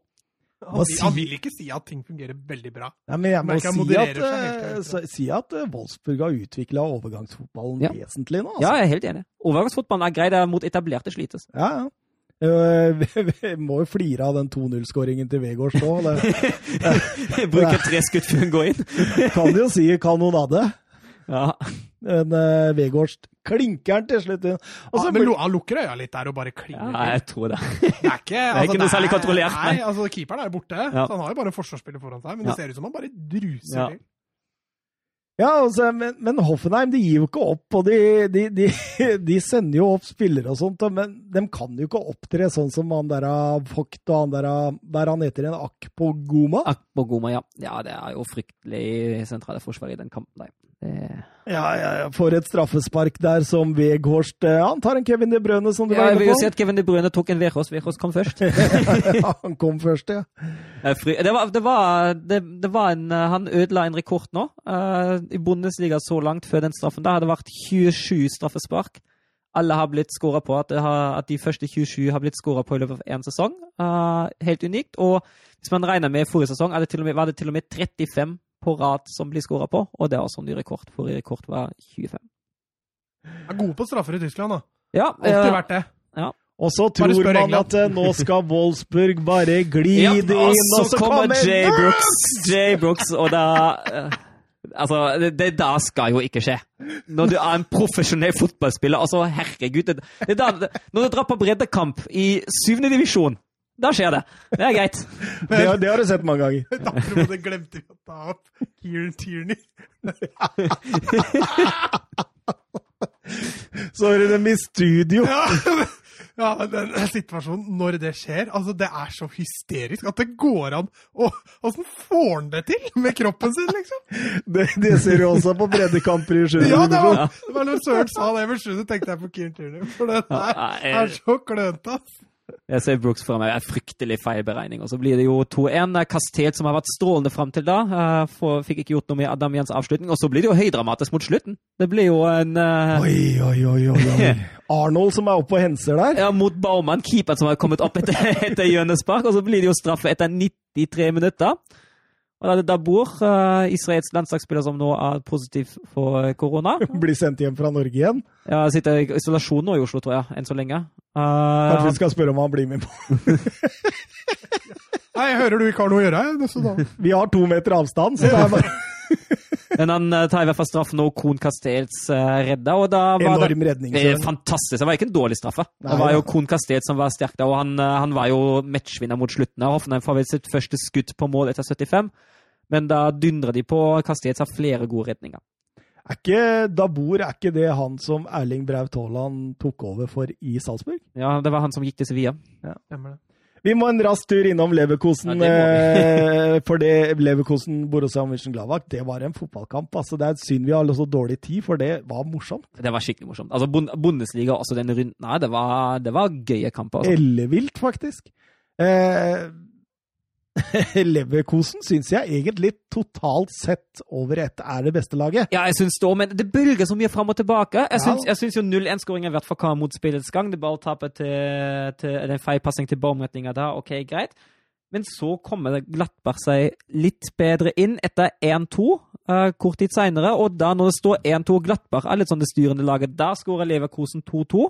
Og så har jo Glattberg en gigasjanse eh, i andre omgang, når Radetski er nydelig mot Stindl, og Wolf blåser han over fra sju meter. Og så er det jo nesten det er jo ett minutt seinere, da Bay setter 3-2. Ja, det, er, eh, det, er, det går i hundre der. Men jeg, Florian Wirtz, for en kamp Åh, hadde. det er jo helt fantastisk. det Han er spiller. 17 år, altså. Men det var å finne erstatteren, eller ersta, i gåseøynene, da, til Ja. Havertz, liksom, i egne rekker. Altså, hvor deilig er ikke det? Når du akkurat har solgt Kai Havertz for nesten en milliard, og så kommer Wirtz opp og er bare like Altså, jeg skal ikke si han er et like stort talent, men ikke så langt unna. Men pasningen han har til 3-2 Ja, herregud, den, den er gull, altså. det er helt nydelig. Helt nydelig.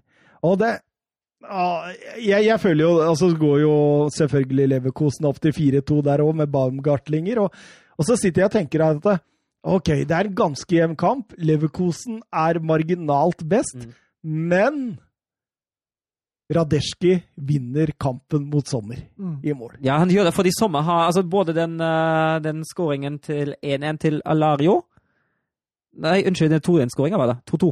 Eh, den til Alario. Da er Sommer altfor sein. Da feilberegner han fullstendig. Uh, havner på etterskudd i, i feltet der Alario får en enkel jobb. Og den 3-2-skåringa til Bailey det er jo ekstremt skrått hold, og da skal han ikke få den mellom beina. Nei, nei. jeg syns han, kommer ut for forhasta. Jeg synes han, eh, han har ikke roen i den duellen der. Står han rolig og støtt, da har ikke Bailey nesten en sjanse til å skåre. Men kampen er jo i realiteten over når vi får det fotballmålet i Europa som kanskje er best i 2020. Eh, Det er veldig sjeldent man ser de der. og der. Det er, eh, det er toppen på kransekaka, liksom. Det er glasuren på sjokoladekaka. Det er eh, Skal jeg dra flere? Ja, ta en til. Eh, Det er smør og salt på popkornet ditt på kino. Det er to duggfriske øl på sommerdag. Ja, den siste er jo Ja, Ja. det- det- det- Appellerer jo ikke til meg i det hele tatt, da. Det er rett og slett nydelig, og det, det, det fikk meg til å tenke på Oliver Giroux sitt mål for Arsenal mot Crystal Palace eh, første nyttårsdag 2017, kan det være det? Mm, ja, jeg tror det. Jeg vet ikke. Når han skorpionsparker inn det, det Lazaro gjør der. Ja, det Du, men- du mente han gjorde det med vilje? Ja, jeg- altså, jeg, jeg ser nesten sånn ut. at han prøver å score med vilje, liksom? At han prøver å ta ham på hælen med vilje? Det ser jeg. Ja, jeg, jeg, vet ikke, det ser nesten sånn ut. Jeg vet ikke ikke hva ellers han skal gjøre når han, eh, når han tar foten opp der. Jeg vet ikke hva han Ja, nei, ellers vil ha den. Jeg ser jo at han tar den på hælen med vilje, Ja. men at han prøver å score med hælen Jeg vet ikke. den, eh, Men altså- men altså, fant, altså blir det jo så genialt da når han Ja. går inn, liksom. Men altså, ja, det, har- jeg føler ikke at det har så mye å si hvor han egentlig vil, men det blir jo helt magisk uansett. Og så blir det sånn der når det skjer, det skjer, så bare «Åh! Ja. Oi! Du blir så, så, så satt ut. Han er på utlån fra Inter, er han ikke det? Jo, stemmer. Mm. Var i Newcastle sist sesong, på lån. Ja. Altså, han er jo godt kjent med Bundesliga. Han var jo i uh, Hertha BSC før han gikk til uh, Inter. Inter, Inter, vet du. Låner ut spillere i øst og vest. Eh, Får ikke til så bra sjøl for tida. Det der ligatipset vårt i Serie A, det må vi snart nei da, nei da, vi må ikke vingle. Har vingla nok i dag. Arsenal er på, på feil kurs. Eh, til, før ukas talent, Geir Halvor Kleiva spør lurer bare på hva dere skal bruke landslagspausen til. Ser dere fortsatt en del fotball, eller benytter dere anledningen til å se noe annet på skjermen? Hva blir så det? Ja, det er et uh, artig, fint lite spørsmål som jeg må tenke litt på, da, for jeg ser jo fryktelig lite TV når jeg ikke ser uh, fotball. Uh, så hva jeg ser på, på Altså, jeg ser jo landslagsfotball, da. Ja, du gjør Det det. gjør men det er en kjempenedtur, kjenner jeg, at det nå er landslagsfotball. En ting er det covid-driten som unødvendig nå flakser rundt, men, men å gå nå bort fra fotballen som den helga her var fantastisk fotball, og så begynne med det norske landslaget og Det er kjempenedtur. Men eh, jeg kommer jo til å se kampene, selvfølgelig. Så har jeg sett noe, par serier på Netflix, da, kan jeg si ja, det? Ja, ja, det kan Queen's Gambit. Ja. En nydelig serie, altså. Mm. Anbefales eh, sterkt. Og så har jeg begynt på Deadly Class. Ja. To vidt forskjellige serier, Ja, ja. men uh, artig. Du, Søren, da? Nei, det blir jo, det blir jo landskampene, i hvert fall. Uh, så, Både tyske og norske? Og, ja, i hvert fall, i hvert fall plan. Så får vi se om eh, jeg gidder Andorra mot Liechtenstein, eller, eller hva det blir. Du er glad i breddekamper, da? Altså. Ja, men, altså, men, men det får er jo deg på appen, vet du. Nei, men, men altså, er det så, altså, er det jo noe med det at i en, i en serierunde går det, jo for, går det jo gode kamper hele dagen. Når det er landslagsfotball, da er det, det, er sånn, det er de kjedelige kampene som går først, og så går noen kamper som man kanskje har lyst til å se samtidig. og Jeg er enig i at det er, er, er kjempenedtur, men uh, det blir nok uh, serie på Netflix og Disney Pluss og HBO, og så har jeg egentlig Disney pluss? ja, det Har du unger? Nei, men samboeren min og jeg vi har kjøpt Disney Pluss. Og det er jo The Mandalorian, Star Wars Ja, er jo der, er og det er jo det er, vet det er helt fantastisk. Og så har jeg snust litt på det nye Assassin's Creed-spillet som kom ut i dag, så det kan hende at det blir et Blir litt spelling? spilling? Jeg Ja, vurderer den Amazon, ja, da, bare for å få med meg den Tottenham Det burde du eh, gjøre. Det, burde du gjøre. Ja. det ligger også en City der, så det er, det er flere å se på. Men ja, nå som, eh, nå som eh, det meste av sosiale er stengt, er det jo egentlig en, et godt tidspunkt til å investere i et dataspill. Ja, FM. Uh, jeg ja. kan også anbefale Sunderland til I Die. Hvis Ja, ingen har sett den er konge. Den tror jeg han har sett. Ja, tror ikke det. Alle har sett den. Altså, sesong én. Ja. Sesong to falt jeg av, faktisk. Så gjorde du det? Ja. Jeg sleit litt, men, men sesong én, da var jeg fengsla. Da så jeg vel alle episodene på Men jeg, jeg er vel sånn at eh, hvis det ikke går fotballkamper, eh, så ser jeg fotballdokumentarer eh, veldig ofte. Eller så Ja, det kan hende jeg leser en fotballbok. Det, det går i fotball, det gjør det. Altså, det er ikke mye av min fritid som ikke går til fotball. Det, altså, fritid som ikke er med barn og sånn, da. Ja, ja. ja absolutt. Eh, men jo, men jeg tar med barna på fotballbanen også. Så, så det Du ser ikke så mye kamper hvis det ikke er dine barn. Nei, nei, Altså, sånn, sånn, lokalt? Ja, sånn som Søren driver med. Nei, så jeg drar jo ikke på Åråsen engang. Nei. Eh, vet du hva? Nei, nei det, det, det hender jeg ikke gjør det. Du får kjøpe sesongkort på Li, da, vet du. Men hva skal jeg gjøre der? Det gjelder åssen. Ja, men det er Ja, jo. Jeg har nok kamper å se! Men, det, men det, det blir en nedtur å se et lag hvor jeg har vært en mye bedre fotballspiller enn de som spiller, syns jeg. Ja. Den påstanden er- ja, men den påstanden holder jo mål, så det synger. ja, Det er spillere på Gjelleråsen som har spilt i Obos, altså. Ja, ja. ja, ja. Det kunne jeg fint gjort, da, det skal jeg love deg. Eh, ukas talent, vi må videre. Ja, jeg kan starte, jeg. Gjør det. Gi meg ett minutt. du. Uh, mitt ukas talent er Kamaldin Solemana. Han er født 15. februar 2002. Han er ghanaisk, han er venstreving, og han spiller for danske FC Nordsjælland. Han meldte overgang fra Right to Dream-akademiet til Nordsjælland på 18-årsdagen. Uh, han har i løpet av kort tid kjempet seg til en plass i førsteelveren, og til sammen har han nå spilt 21 seriekamper med tre mål og seks assist, og før sesongen fikk han nummer ti. Han fikk sin debut på det ghanaiske landslaget nå i oktober, og har spilt to kamper for Ghana. Han er en kantspiller, og han har alle egenskaper som en eh, kantspiller trenger. Han er kjapp og dynamisk, han er teknisk, han er driblesterk, og han er kreativ. Han har signert en femårskontrakt med Nordsjøland, men eh, det, han blir nok ikke i fem år i Danmark. 52 sekunder, det er bra, Søren. Det er bra. Mats? Ja, jeg tar en litt inhabil en i dag, jeg, men det er fordi han eh, virker å være et fryktelig, fryktelig bra talent. Eh, Ilias Akomach, Akomach. Han er en spanjol skråstrek marokkaner eh, og spiller for Barcelona. Ja. Og grunnen til at jeg valgte å ta med han nå, er fordi sammenligningene til Messi begynner å bli ganske mange. Eh, han er eh, Messi var den første spilleren i Barcas historie som spilte for gutt 16, gutt 19, B- og A-lag på én og samme sesong. ja. Og nå er denne Ilias kun A-lagskamper unna og vil gjøre akkurat det samme. Han er en skeivbeint eh, høyrekant, eh, liker å trekke seg innover. Eh, driblesterk, kjapp, eh, kreativ. Og minner meg fryktelig mye om, eh, om Lionel Messi i, i samme alder. Eh, og har som sagt nå da siste debutert for B-laget til, til Barcelona. Han er født 16.4.2004, som gjør han til kun 16 år, han har allerede også fått tre landskamper for det spanske U16-landslaget, så han har også valgt Spania som sitt nasjonalland, selv om han også kunne valgt Marokko. Åh, akkurat på et minutt, Mats. Akkurat på et minutt. Da er det min tur. Eh, Spilleren eh, heter Israel Salazar Piris. Eh, Kjent kun under Salazar. Eh, Født 10. mai 2006 og Nei, 2003.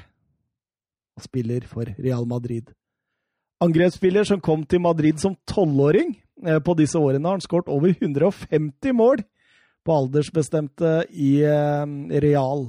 Eh, har også masse aldersbestemte for Spania. Skåret bl.a. tre mål på tre kamper for Spanias U17. Trener til daglig med Castilla under Rauls eh, vinger. Eh, vil anta at han lærer et og annet av, av Raúl. Eh, fart, teknikk, god én mot én, eksepsjonelle avslutningsferdigheter og er veldig klok uten ball. Eh, og ikke minst så kommer det mål, mål, mål og masse mål. Det er en sånn ekte målsnik vi snakker om her. Så det blir veldig spennende å følge. Åh, det var akkurat et minutt, Thomas! det tror jeg ikke, ass. Nei, jeg glemte å ta tid. Oi, oi, oi.